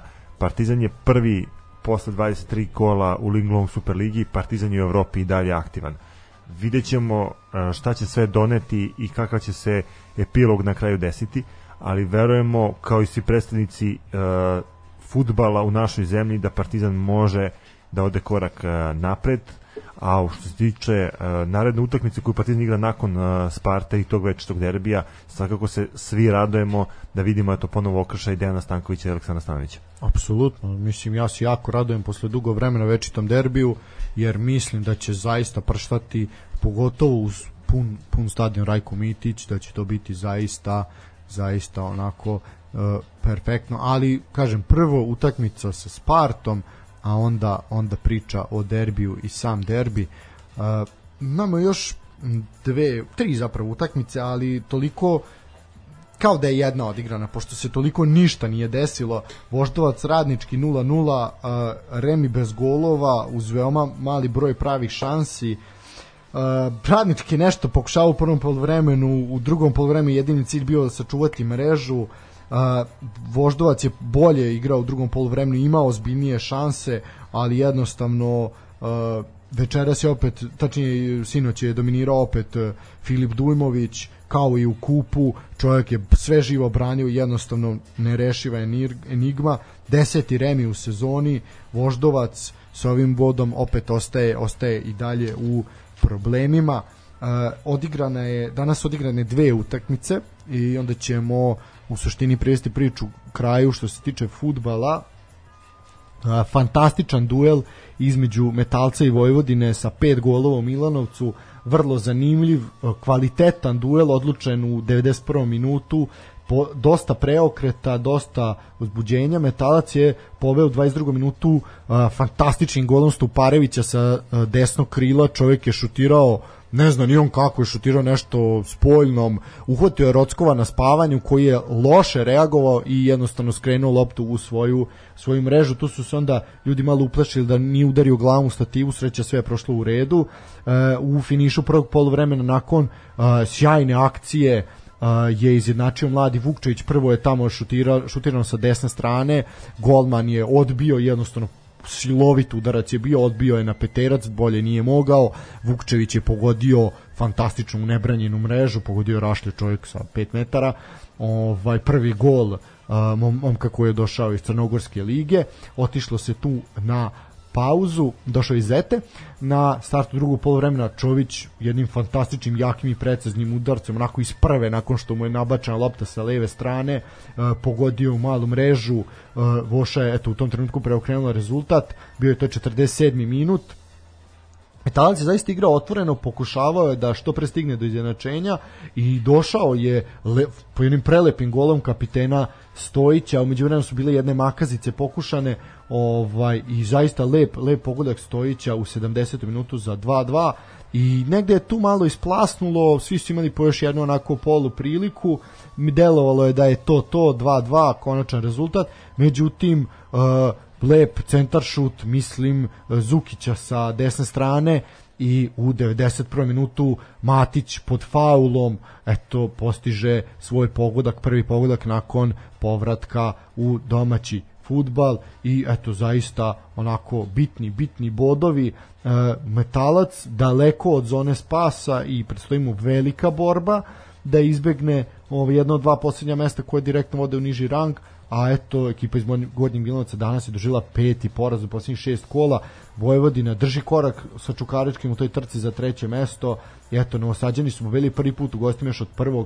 novembra kad su slavili u gradskom derbiju protiv Novog Pazara druga utakmica dana kaži pa ćemo se prebaciti na posljednju utakmicu kola Ništa, idemo na posljednju utakmicu. Kola. utakmica kola uh, jednostavno radnik napredak po onako lošim vremenskim uslovima nije bila neka neki pljusak ali bilo je dosta loše. Uh, 0-0 najupečatljiviji moment na utakmici je kada sudija Mitić dodeljuje po- povratniku Melunoviću drugi žuti karton i napredak je nešto više od polovremena igrao su igrače manje.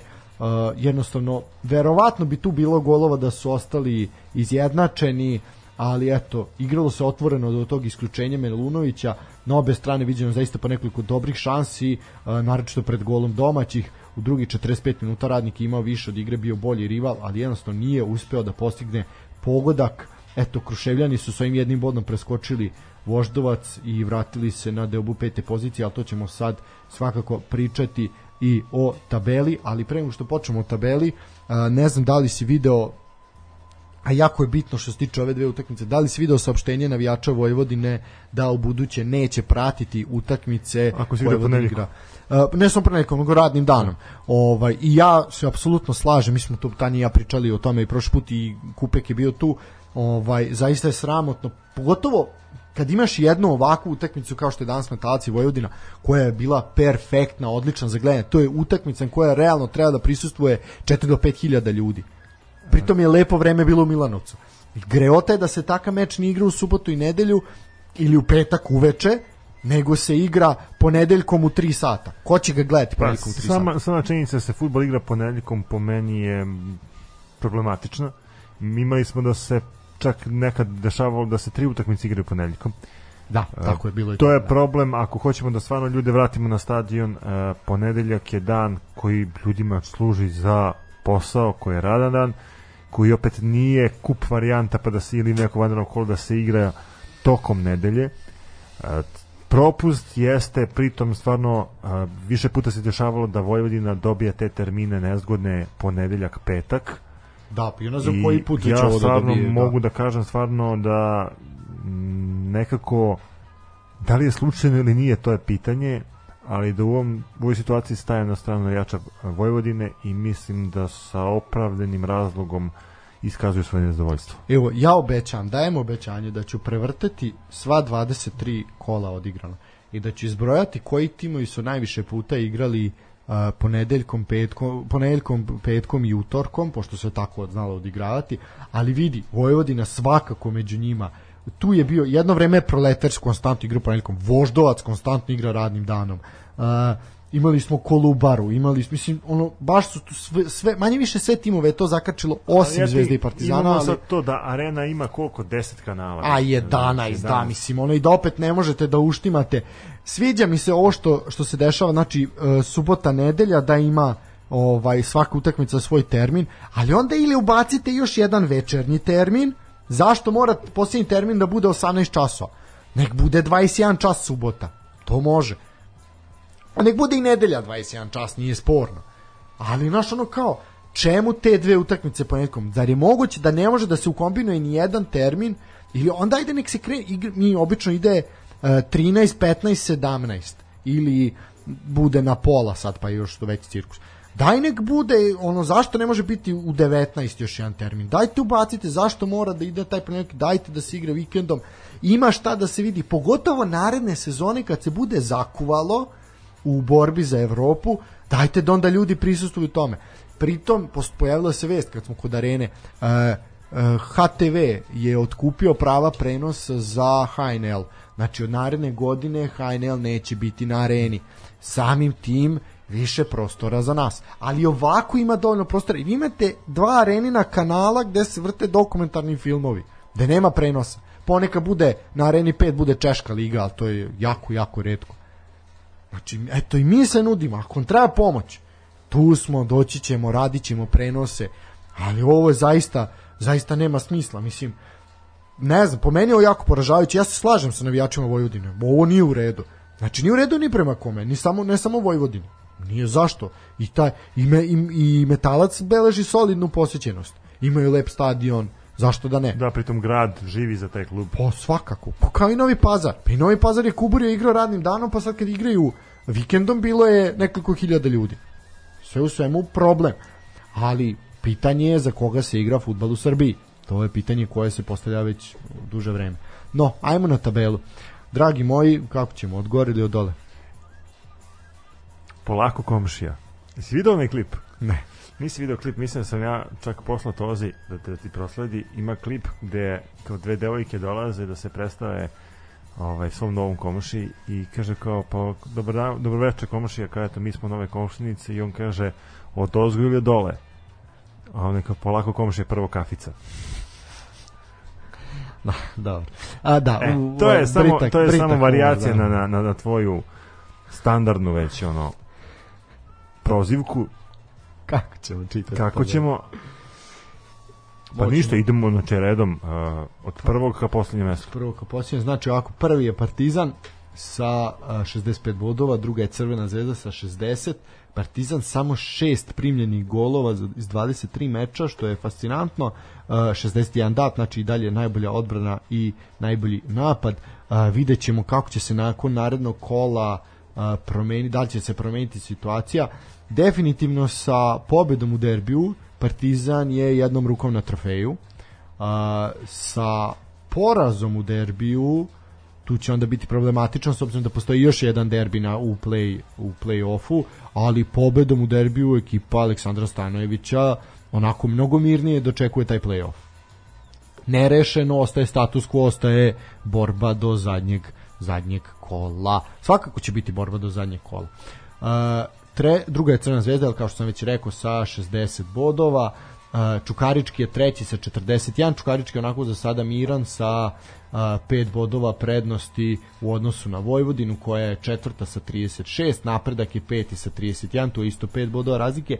I sad od petog kreće onako gde su svi na bod, znači napredak je peti sa 31, Voždovac je šesti sa 30, Proleter je sedmi sa 30 i osma je Bačka Topola sa 29, to je posljednji tim u play-offu kad bi se sada podvukla crta, znači tu su ti svi na dva boda. Deveta je Kolubara, eto Kolubara se sa realno dve pobede, zapravo tri pobede u četiri meča ovaj podigla do je bore se za play-off. Znači, zaista, zaista fascinantno. Malo je potrebno, vežeš dva dobra rezultata i eto te. E, 29 bodova, 9 klubara, 10 radnič knjiž, 28, to je sve na bod. 11. mladost iz Lučana 27, koliko ima i Spartak koji je 12. Radnik ima uh, 25 je na 13. mestu i sada preostaje gola borba za opstanak, a to je 14. metalca 19, Pazar uh, 15. sa 17 i 16. radnički iz Kragujevca sa isto toliko bodova. E sad, ovde je sve otvoreno što se tiče play-offa i play-outa, tu svi mogu gore, svi mogu dole, jedino eto pitanje zapravo ko će biti šampion i ko će ispasti iz lige. Uh, tu mislim imaš timove koji su okvireni gde znaš šta može biti, imaš dva, tri tima, a ovo sve ostalo, mislim pola ligi se bori za play-off i play-out. Uh, možemo ići na raspored narednog kola. Kolo će početi 25 što je, dragi Petak. moj, petak u 2 sata. Petak u 2 sata, Radnički Kragujevac, Voždovac. Kaži Stefane. Eto, Voždovac je prošlu utakmicu odigrao na svom terenu protiv Radničkog iz Niša 0-0. Sada idu u Kragujevac. e, Ako pogledamo, Voždovac je možda za nijansu kvalitetnija ekipa. Ali, Ali to igra nisu pokazali. ali naravno to igru nisu pokazali. E, Ja bi možda čak i tipovao na njih, ali sad kad uzmemo u obzir da radničkom su potrebni bodovi i da radnički traži priliku kod kuće za ostvarivanje tih bodova, definitivno bi možda igrao 1x na radnički. Ja se slažem s tobom. Ja ću staviti KCX i domaćin daje 2 plus. A, Tanja, odustaješ od prognoze i ovaj put. Odustaješ, dobro. A, od 16 časova a, isto u petak mladost proletar u Lučanima. Sad se tu Ne znam, manje ne- više ne- s jedni i drugi bore za play-off. Tako je. Pritom, uh, Proletar dolazi posle stvarno dobre utakmice s Crvenom zvezdom. I fizički istrpljuće. Jeste, ali imaju dovoljno vremena da se pripreme. Pa ne znam, opet mladost je op... ne znam, ajte, tek bude kec na mladost. Dobro, ja ću staviti X2. Uh, isto, u istom terminu od 16 časova u petak. A zašto sad ovaj meč nije od 18, na primjer? Mislim, bez veze. Uh, radnički Niš uh, protiv Novog pazara. E, E. ovo će biti krvavo. Krvavo će biti, ali ja verujem u pobedu radničkog iz Niša. Mislim da su uspeli da, da se malo dovedu u red. Osvojili su bodove e, na gostovanju u Voždovcu i mislim da je ovo prilika za Solidan duel ostvarivanje. zvezde u Da. kupu, da. Mislim da je ovo sasvim dobra prilika da konačno upišu a, pobedu u ovom nastavku sezone. Mislim, vidi, sve ove tri utakmice će biti poprilično zanimljive za gledanje. To je svakako, svakako sigurno. E sad, imamo uh, još jednu utakmicu u petak. Od 18 časova Spartak Subotica Čukarički.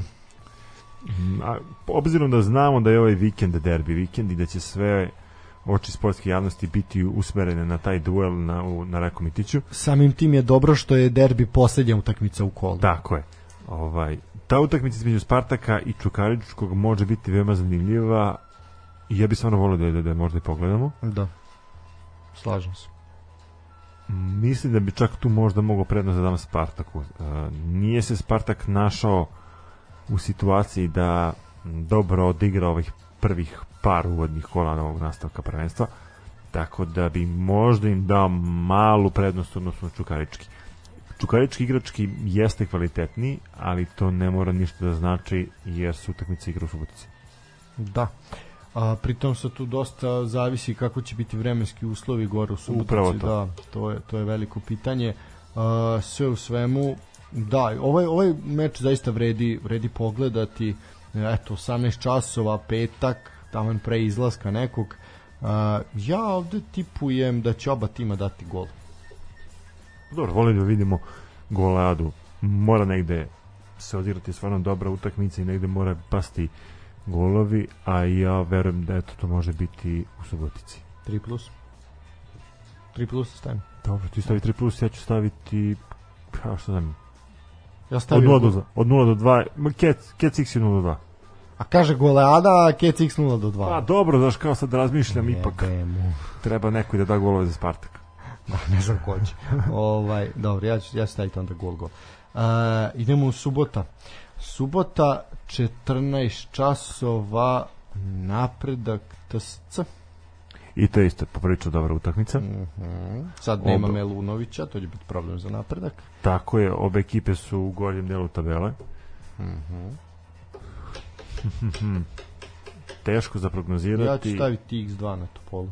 Pa, dobro, ja ću staviti X.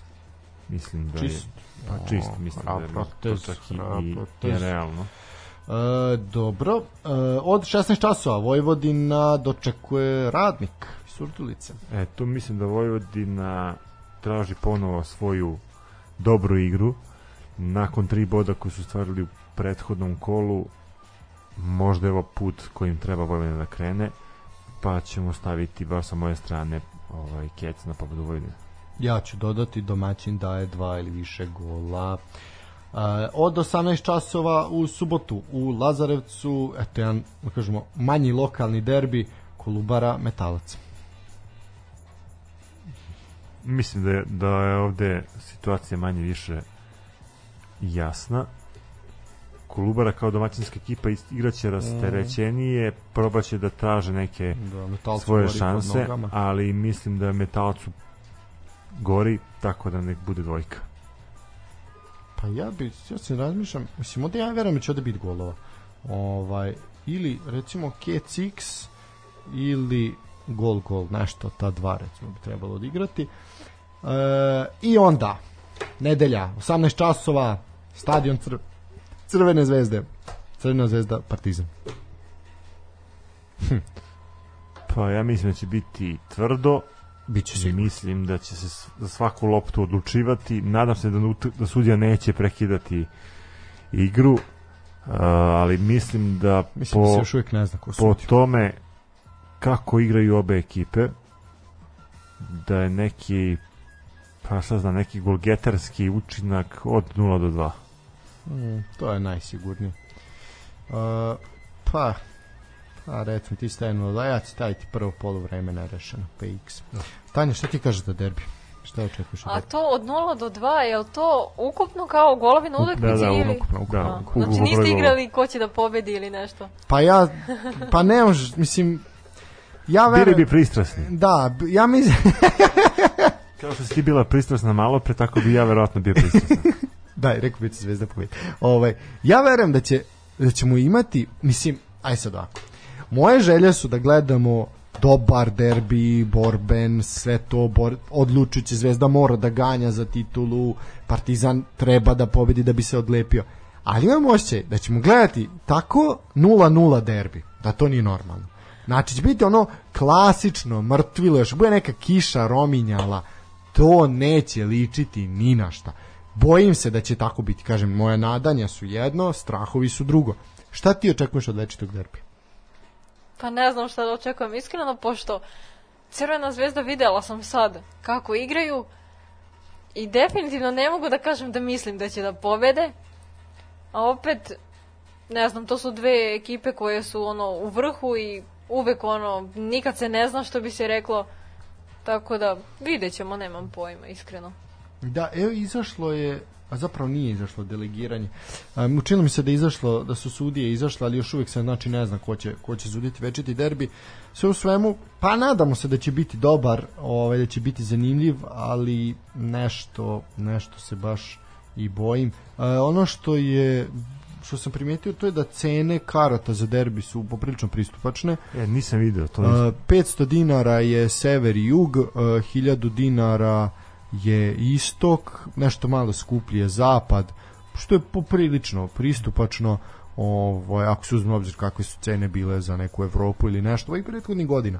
Uh, mene raduje što eto uh, akcije i Crvene zvezde i Partizana, eto Zvezda imala to kupi za Čukarički, dobiješ derbi, Partizan ima kupi za Spartu, dobiješ protiv mladosti i napretka, što je mislim dobro, ovaj svakako da eto navijači dođu i da podrže klub protiv ovako malo nezanimljivih eto, timova. to si dobro na- napomenuo. E, Partizan je osetio tu potrebu da održi tu bodovnu prednost odnosno na Crnu zvezdu. Svakako se uzda u svoje navijače i mislim da je taj potez marketing službe futbolskog kluba Partizan poprilično dobar. E, za, imali su tu situaciju da su častili navijače sad pro, proteklo kolo protiv Radničkog iz Niša, gde je ulaz bio besplatan. Kragujevac. E, Kragovca, pravo, ovaj, gde ulaz bio besplatan, e, tako da podržavam taj potez uprave e, kluba Partizan, e, videli smo veći broj navijača nego inače, opet e, imali smo i tu sreću da nije padala kiša, pa je bilo vreme poprilično dobro za posećivanje stadiona. Zvezda ima taj e, drugačiji moment e, gde pokušava znači da e, animira svoje navijače da dođu na prvenstvene utakmice i da na osnovu toga e, promeni taj odnos e, u odnosu na proteklu polusezonu kada je u pitanju broj navijača. E, ono što je definitivno e, mi podržavamo oba kluba u tome da e, što veći broj navijača dođe na stadion. Podržavamo i druge fudbalske klubove koji se nalaze u situaciji gde kubure sa navijačima i sa E, brojem Da, kad smo kod toga, moram da pohvalim radnik iz Surdulice koji je na današnji meč protiv napretka otvorio kapije stadiona. Znači, ako se već igra radnim danom, aj nek bude besplatno, da onda privučemo ljude da dođu. I to je zaista za svaku, apsolutno svaku pohvalu i mi jesmo to pohvalili na Twitteru i na mrežama, zaista, zaista svaka čast. Mora se jednostavno, ako je već sistem takav kakav jeste, ako već sistem ne može da se promeni, ajde da se snađemo da iskoristimo maksimum od tog sistema. Ja jesam za to da se sistem menja, ali ako u, polu sez, u pola sezone to nije moguće, ako već takva šema, dajte onda da primamimo ljude nekako dođe na taj stadion. Znači, nek bude besplatan ulaz, pa super. Dajte im po, za, za kupljenu jednu, nek dobiju dve. opet Mislim, tako nešto. pričamo o tome možda je to čak i, i nepravedno prema onim ljudima koji su kupili sezonske ulaznice da klub a, daje besplatne karte i, i besplatan ulazak na stadion ali ajde da pronađemo u narednom periodu možda čak i neki a, model gde bi se povećao taj trend kupovine sezonskih karata. A, ljudi definitivno u Srbiji treba da steknu kulturu odlaska na stadion i mislim da je to ono što nama fali. Nije problem to da li izdvojiti 1500 dinara na, a, za jednu utakmicu a, kada pogledate drugačije i kada pogledate malo ekonomičnije ta sezonska karta se isplati u prvih par kola Pa prvih 6-7 utakmica. i mislim da je to ono što uh, treba da sadrži i treba da ima svaki navijač uh, koji prati futbal i svoj fudbalski klub u Srbiji. Tako je, vidi, evo možemo naj naj ovaj plastičniji primer je uh, sezonska karta za fudbalski klub Partizan koja je koštala 4.500 na primer za istočnu tribinu, a vama je na, samo za utakmicu protiv Santa Klare karta bila 2.500. Znači vi ste više od pola sezonske otplatili jednom utakmicom, znači to se definitivno isplati. Kada pogledamo druge klubove koji se takmiče u Superligi, ta cena je mnogo manja i mislim da je upravo to nešto što treba da bude pokazatelj Pram sveca ide i tropar. ali opet to je do klubova, klubovi moraju da rade na omasovljavanju broja svojih uh, članova, uh, moraju da rade na uh, pristupačnosti, uh, moraju da rade na većem broju na ekonomičnosti kad je u pitanju samo odnos između navijača i, i futbolskih klubova. Uh, često napominjem da je možda najbolji primer uključiti decu, uključiti omladinu, jer mislim da je našoj deci mnogo bolje da odrastaju na stadionu nego da odrastaju na ulici. Definitivno. A, dobro, a, prelazimo na hoćemo po- pa ovu jednu pesmicu. O, pa dečko traži pesmicu, samo ćemo stići vremenski, zato sam mislio da možda se odmah bacimo na terene. Stići ćemo, jedna pauza, dva minuta, bit će sasvim dovoljno sa osvežimo. Aj, čekaj da nađem pesmu od dva minuta. Znaš ti koliko je to teško? Može, evo. Ovo sam figurativno rekao. Imamo od tri. Može od tri. Može, može. Ajde, evo, ovo je himna anksioznosti. Može. Do you have the time to listen to me whine about nothing and everything all at once?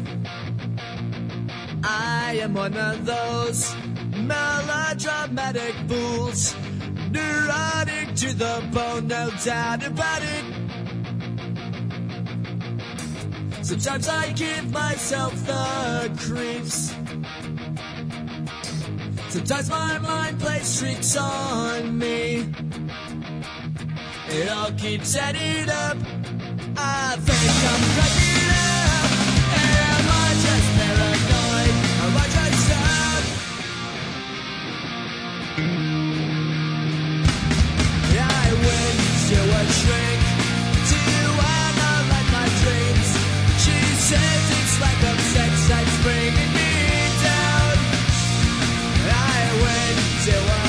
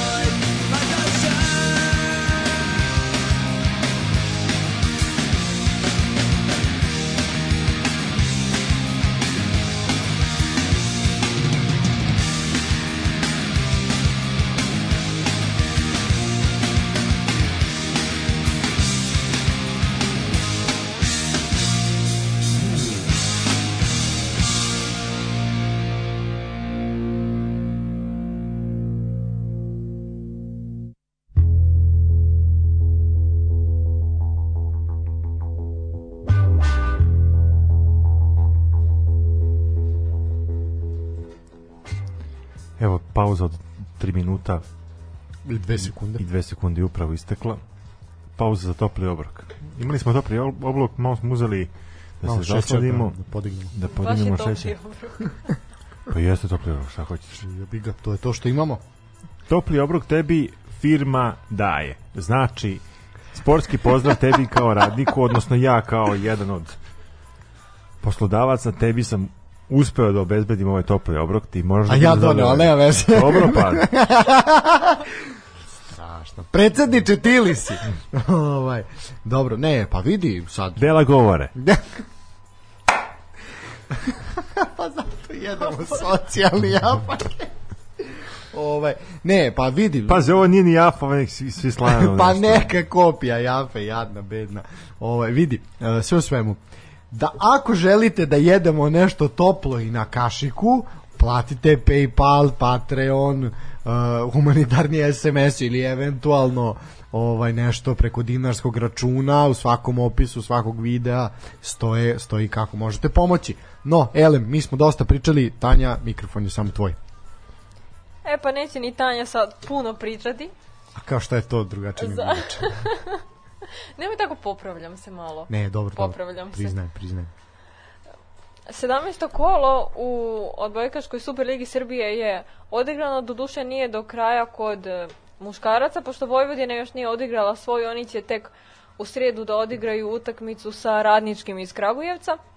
Jako mali broj utakmica je inače puštan da se gleda, odnosno na preko televizora, preko televizije, odnosno nisam našla nikakav prenos. E, Odbojkaški savez Srbije je svakako emitovao jednu utakmicu, Vojvodina uvek emituje svoje, ali pošto još nije odigrala utakmicu, nema ničega i naravno Ribnica uvek emituje svoje utakmice kada je domaćina, ali pošto je sada bila gost, ni tu nije bilo ničega.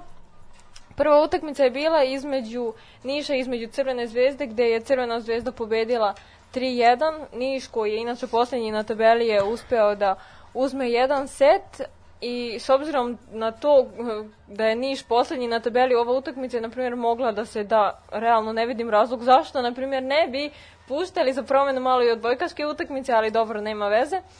Prvi set je Niš inače uspeo da uzme rezultatom 25-23 i možemo da vidimo da je bilo očigledno do samog kraja dosta neizvesno, a ostala tri je bez ikakvih problema Crvena zvezda uzela sebi i ostvarila pobedu. Drugi meč je bio između Spartaka i Subotice koji je pobedio mladi radnik iz Požarevca rezultatom 3-1 i to je svakako utakmica koja se mogla naći na YouTube-u. I svakako je vredi komentarisati kad smo već mogli da je gledamo. I svakako da je utakmica završena na neki način onako kako je i verovatno očekivano.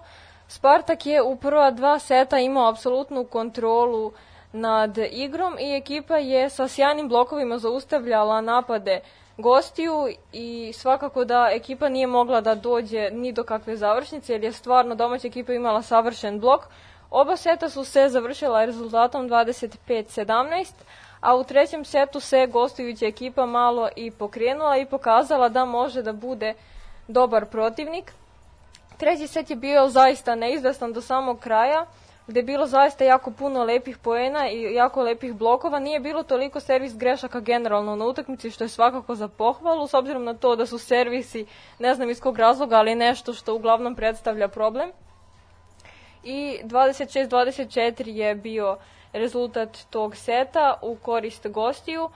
I poslednji set je takođe lepo krenuo i takođe bio pun lepih poena, lepih dugih napada. I na kraju je ipak domaća ekipa, odnosno Spartak i Subotice, uspeo da dođe i do tog poslednjeg seta kojim je bio potreban da dođu do pobede od 3-1. Zatim, Spart, zatim Partizan koji je pobedio Spartak iz Liga sa maksimalnih 3-0, pretpostavljam bez ikakvih problema. Vojvodina će svoju utakmicu, kao što sam rekla, odigrati 23. februara u pola 6 i Metalac eh, Takovo je izgubio od Ribnice sa 3-0, što je opet očekivano jer smo videli kako Ribnica igra ovo poslednje vreme. Mislim i generalno na kakvom je nivou, tako da tu nema ništa sporno. I u svakom slučaju kada govorimo o stanju na tabeli, zna se ko su prvih šest ekipa, ko će i posle narodnog kola ići u Playoff Crvena zvezda je i dalje prva sa 37 bodova, Partizan ima 35 bodova i nalazi se na drugom mestu. Spartak iz Subotice je sada treće plasirana ekipa sa 33 boda, dok je Ribnica četvrta sa 34.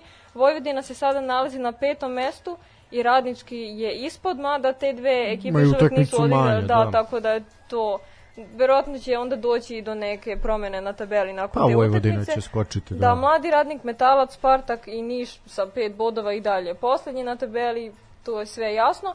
A kada govorimo o ženskoj superligi, je tu već nijedna utakmica nije mogla da se gleda, ali opet takve su ovaj, utakmice odigrane da je jednostavno jasno ko, je, ko bi bio pobednik.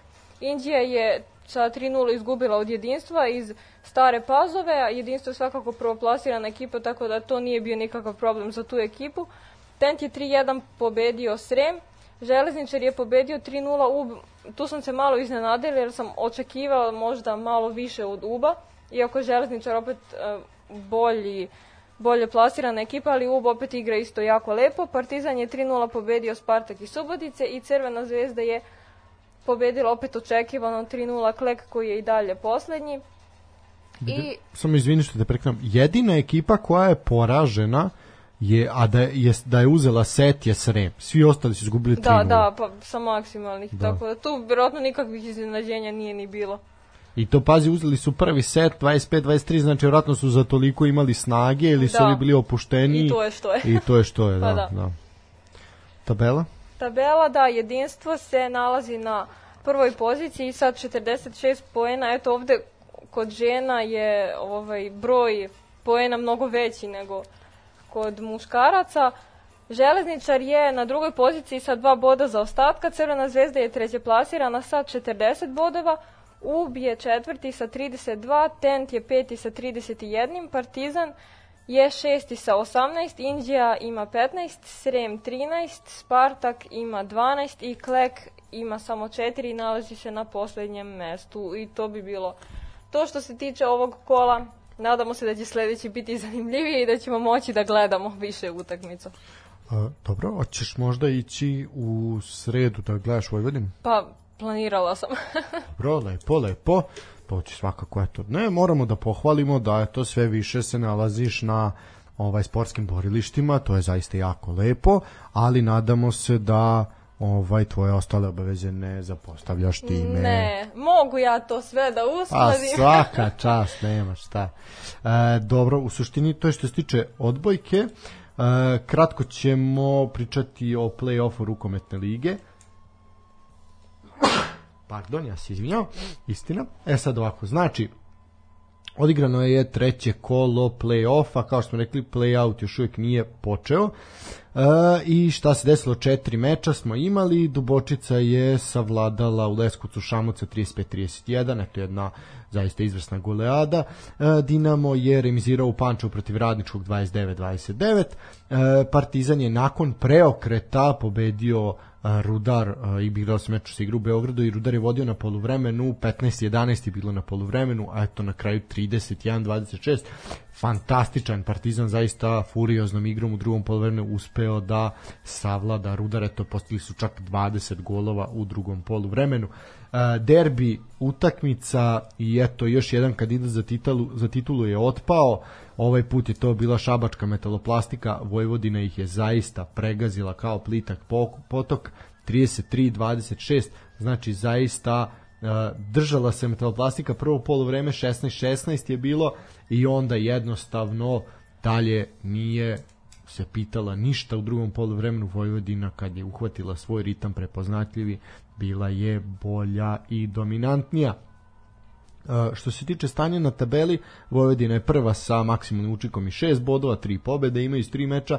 Radnički je drugi i Radnički je taj sad prvi pratilac Vojvodine, vidjet ćemo još koliko dugo. Radnički ima to uh, dve pobede i jedno nerešeno, svi ostali imaju po jedan poraz, s tim da Šamot i Rudar su još uvek bez bodova, jer imaju sva tri poraza. Što se tiče narednog kola koji se igra za vikend, imamo a, dve utakmice u subotu i dve utakmice u nedelju, a to je da Šamo dočekuje Rudar, Metaloplastika dočekuje Partizan, što će svakako biti jedan od zanimljivijih duela koji ćete vratno moći da ispratite, a Radnički iz Kragujevca dočekuje Vojvodinu, eto duel prvoplasirane i drugoplasirane ekipu na vrućem terenu u Kragujevcu, to će isto biti poprilično zanimljivo. I u posljednjem meču će Dubočica sačekati Dinamo iz Pančeva u Leskovcu, tako da će i to biti jedan zanimljiv duel. Što se tiče prenosa, e, može se pratiti na YouTube-u naravno i RTV uglavnom prenosi kada je Vojvodina domaćin.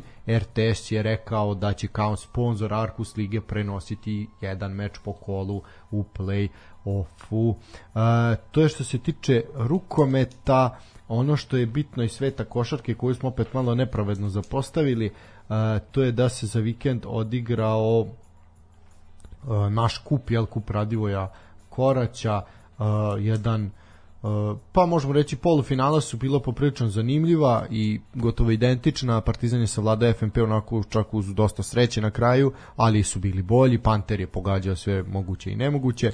Panter protiv Pantera. Tako je. A Crvena zvezda je bila bolja od Mege.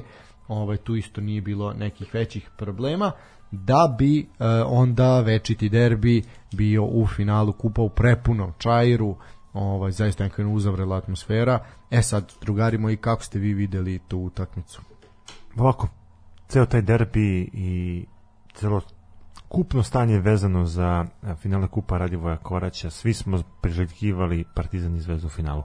Mislim da niko nije sumnjao da ova dva tima ne mogu da se sastanu u finalu. A, kada gledamo Zvezda je prošle godine uzela kup u Novom Sadu pobedom protiv Mege.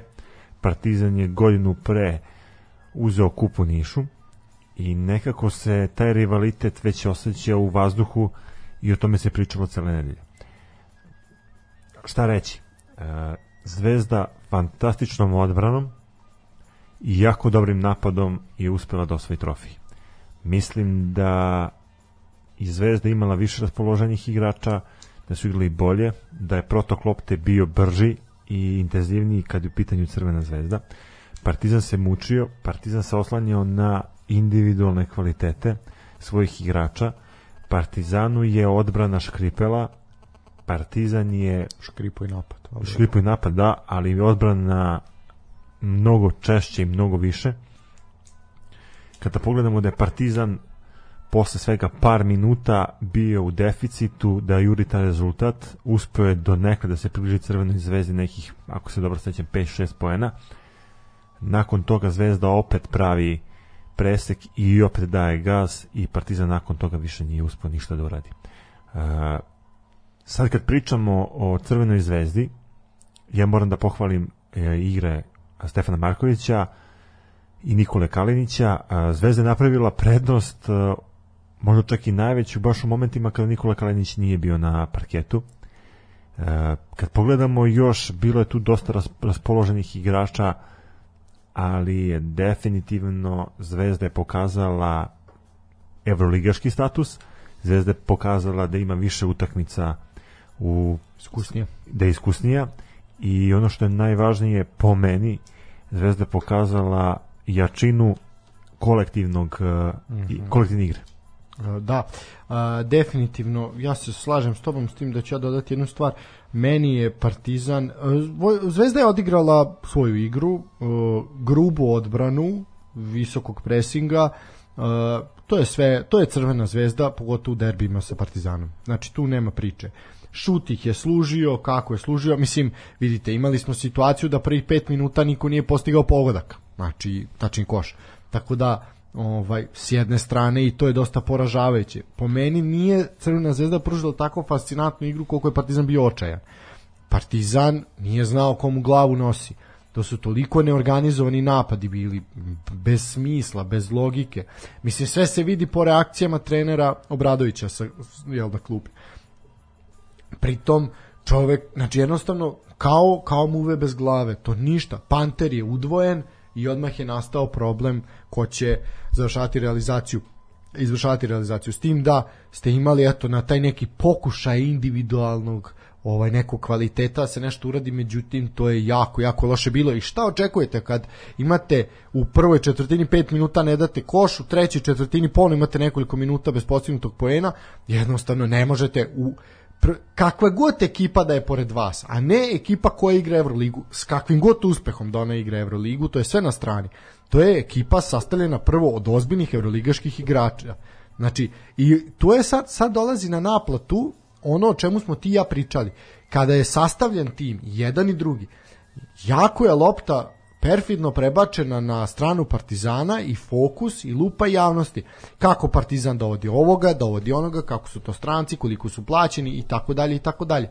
Ali se niko ne priča o tome šta je uradila Crvena zvezda i koliko je dobar prelazni rok su oni zapravo uradili i koliko ništa manje para nije potrošeno i u drugom timu.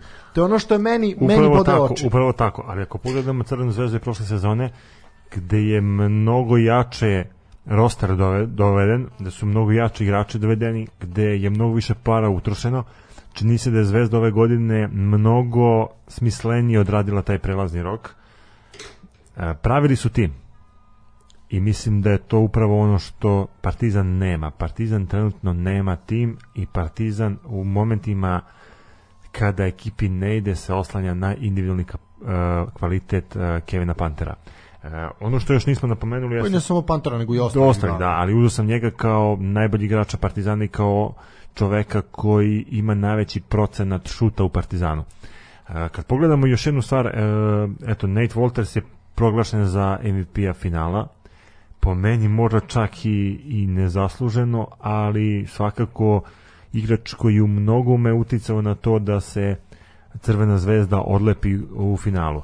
E, mene je to iznenadilo e, centarske pozicije Crvene zvezde, oni su uspeli da, da, da zatvore Partizanove igrače. E, Partizan se oslanjao na spoljnu liniju koja je nekoj tranziciji poprilično loše izgledala, ali ne znam, jednostavno Partizan je, koliko sam uspio da, da ispratim, a, svoju odbranu bazirao na tome da pojedini igrači Crvene zvezde pu- pušta za, za šuteve, smatrajući da će oni u jednom momentu da prestanu sa, sa pogađanjem, međutim to se nije desilo.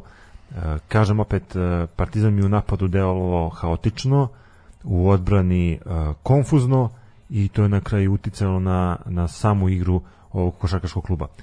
Crnoj zvezdi čestitamo osvajanje Apsolutno kupa, zasluženo. definitivno su zaslužili ovo i e, Partizanu preostaje dovoljno vremena da se e, skoncentriše na upravo ono što sledi. E, Crvena zvezda definitivno sa većim e, samopouzdanjem ulazi u nastavak e, prvenstva, ali ako pogledate e, mnogo se vidi i mnogo izraženiji taj evroligaški status i e, značaj evroligaških utakmica kada je u pitanju Crvena zvezda čini mi se da su ovu utakmicu dobili na iskustvo bez neke prevelike snage. Pa ja se slažem s tobom, mislim opet kažem, nije Crvena zvezda bila toliko dominantna koliko je koliko su ovi bili koliko su ovi bili onako baš baš van svakog koloseka. Uh, na kraju smo imali to eto da su jedni i drugi zaradili po tehničku što se tiče trenera, na kraju je Radonjić bio isključen. Bilo je nekih incidenata na tribinama, mislim sve ono što je što je ovaj, ma negde deo i folklora, mada moram priznati da sam ja utakmicu gledao na RTS-u, pa sam slušao Šarenca posle milion godina, kako prenosi domaću košarku, i meni onako nešto što je zasmetalo, a to je da transparent da je Željko Obradović državni projekat, a mislim ono komu E da, to- to dobro govori, spomenuo. jebote, To si dobro ono, spomenuo, znači, eto, ko je našao da priča da je državni projekat? Videli smo Zaista. taj transparent koji su navijači Crvene zvezde uh, izbacili koji je vezan za Željko Bradovića i možda je to tema o kojoj može da se priča. Uh, svakako ako pogledamo samu činjenicu na terenu, Zvezda je to dominantno odradila. Ako pogledamo situaciju na, tri, na tribinama, eto, videli smo navijače Partizana, videli smo navijače Zvezde u nekim neprepoznatljivim momentima. Čak mislim da je predsednik košarkaškog kluba Partizan Osta Mijailović dao izjavu baš za a, navijače gde je komentarisao to gađanje, odnosno a, taj ispad gde su Partizanovi navijači debaklja sa, sa strane Partizanovih navijača na kraju završila u, u loži u kojoj se nalazio a, i sam predsednik ovog kluba Zvezda imala eto taj transparent vezan za, za Željko Obradovića, ali osim toga mislim da je finale proteklo baš u nekoj finoj atmosferi i što je, raduje sve zaljubljenike u košarku. što se tiče navijanja, to bez, bez razmišljanja. Tanja je stigla basket. Nisam. Znam samo da sam da je Zvezda pobedila. Pa dobro, nisi u suštini ništa propustila. Ova jedna utakmica koja onako se mogla pratiti sa onako polovičnom pažnjom. Uh, pa ni to je manje više toga što se tiče košarke i to kupa, sledi tu sad mala pauza. Uh, eto, treba reći da je ovo mislim osmi trofej Crvene zvezde u kupu. Ovaj, Kada smo kod pauze, o, ono što je interesantno, prva naredna utakmica koju igraju obe ekipe je upravo derbi. Večiti derbi, da. Mislim da se igra 6. marta ili Tako tako, nešto. nešto. da. A, sve u svemu, eto, malo će se konsolidovati, a, izašli su neki čak i povređeni, eto, ovom Aleksija Vramović je slomljen nos, a, Smajlagić je- Smajlagić je da ima to neko ugavnuće. E sad, Željko Obradović je pričao o tome na konferenciji kako eto, to nije slučajno, on tamo. E sad, ja ne bih, tu bi sad otvorio jednu temu, a, tog nekog pravdanja i svega, mislim, Željko Obradović je pre, pre, prvo jedno preveliko ime e, za naše okvire i ok, ako on smatra da ima nešto tu da nije bilo u redu, neka kaže, ali nemojte tu Lalatović priču ovoga mi krsta sveću reći. Ako neko sme da kaže, onda je to Željko Obradović. Sećamo se onih konferencija e, nakon haosa u reprezentaciji i tako dalje. Znači, ajde recite šta se dešava ako se nešto dešava. Ako se ne dešava, onda ćutite i igrajte. To je, to je jedna stvar. Druga stvar, ono što mi se ne sviđa je način na koji se navijači Partizana ophode prema Željku Obradoviću. To je ono što sam ja rekao i što smo ti ja pričali kada je on došao, da će to biti na odmah nakon kratkog neuspeha, nekog onog kratkoročnog neuspeha, da će to biti problem. I to se sad dešava. Odmah govore da je Željko neznalica, da od ono, Željko da je neznalica, Željko ne bi imao devet titula prvaka Evrope, ne bi bio najtrofejniji evropski trener, znači Željko ne može biti neznalica. Željko je možda imao ovakav tim ili onakav tim ili možda nije dobro pripremio utakmicu ili ga je Crvena zvezda iznenadila Stefano Markovićem kog niko živi nije očekivao, a čovjek je realno izdominirao. Ovaj tako da ne može biti neznalica, tako da malo više poštovanja prema prema treneru koji je prvo i pre svega jasno ističe ovaj koji klub mu je na srcu i eto došao je u takvu situaciju da trenira. Vidite za mlađe koji upravo i pričaju to o tako, koji posle tri utakmice pričaju kako nema pojma, da malo pitaju stariji ili da malo istraže, hvala Bogu, postoji internet, pa istražite malo prve sezone Duška Vujoševića koliko su uspešne ili neuspešne bile i kakvih poraza je sve bilo. Tako da, ono što bi rekli, ajmo malo da, da vidimo da li je to proces koji se stvara, ako je proces koji se stvara, onda mu dajte prilike, ako je to nešto što je rađeno za instant rezultat, onda je to druga stvar. Previše mlada ekipa da bi se očekivao instant uspeh i to su naravno svi odmah rekli, ali jednostavno želje i apetiti navijača su jedno, a realnost je nešto sasvim drugo. E, moram samo da ti ispravim ovaj, 11. titula u kupu. Osa, Crvene- osma, valjda od osamostaljenja. Pa tako moguće. nešto. Od osamostaljenja, ovo si lepo rekao. Pa, kad osamostaljenja. 11. titula e, Zvezde u kupu. E, Biće dosta interesantno vidjeti nastavak sezone, obzirom da ova dva tima pretenduju na titule i u regionalnoj ligi i u domaćem prvenstvu. A ono što je isto interesantno i što treba ispratiti jesu kvalifikacije za svetsko prvenstvo koje se igraju u petak 25. Septe, ovog e, februara. E, naša reprezentacija će biti domaćin u drugom kolu i ekipi Slovačke. Pa eto još jedan razlog da ispratite našu reprezentaciju i nadamo se uspehu naše selekcije na čelu sa selektorom Svetislavom Pešićem. Da, koji je by the way rekao da je reprezentacija otvorena za strance. Ovaj sad koliko nam je to potrebno, to možemo diskutovati u nekom narednom periodu. Ali eto i to i to se polako dešava. Pa svakako nas očekuje bogat uh, sportski program. Imamo uh, ligu konferencije u četvrtak, imamo reprezentaciju u petak, imamo i domaću ligu u petak, Derbi. uh, imamo za vikend uh, večiti derbi. Uh, Biće dosta utakmica, pa eto imamo i materijala da, da ispratimo za narednu emisiju. Tako je, A- s tim da ima još jedno dešavanje u subotu koje treba ako pred kraj napomenuti, a to je naši drugari iz Miljakovca nakon što su obeležili 85 godina futbolskog kluba Rakovica, ovaj isto je bila humanitarna utakmica prošlog vikenda. Evo sada imaju i prvi evropski meč. FK Miljakovac će dočekati SV Fajrant iz Krakova. U pitanju je klub osnovan 2018. godine i on će biti gost na stadionu u Rakovici u subotu od 14.45 pritom će se sav prihod od skupljenih sredstava jel će biti prosleđen za lečenje proslavljenog golmana Radovana Radakovića i ja ovom prilikom pozivam sve a iskreno ja bih jako voleo da se i mi nađemo tamo ako obaveze budu dozvolile da jer zaista ovako nešto lepo treba treba ispratiti i nadam se da će biti lepo vreme i da što više ljudi bude prisutno, a umeđu vremenu SMS na 108 uh, SMS 1082 na 3030 kao pomoć za Radovana svakako ostaje.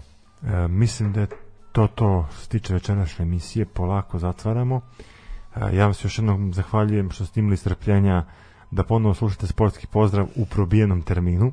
Opet smo prešli tih naših predviđenih dva sata, ali mislim da smo na kvalitetan način obradili sve sportske uh, sve sportske utakmice i sve sportske uh, manifestacije dešavanja, iako, uh, kao što smo već čuli, sportskih dešavanja nije bilo. Vidimo se u narednom periodu, u narednoj emisiji, a do tada sportski pozdrav.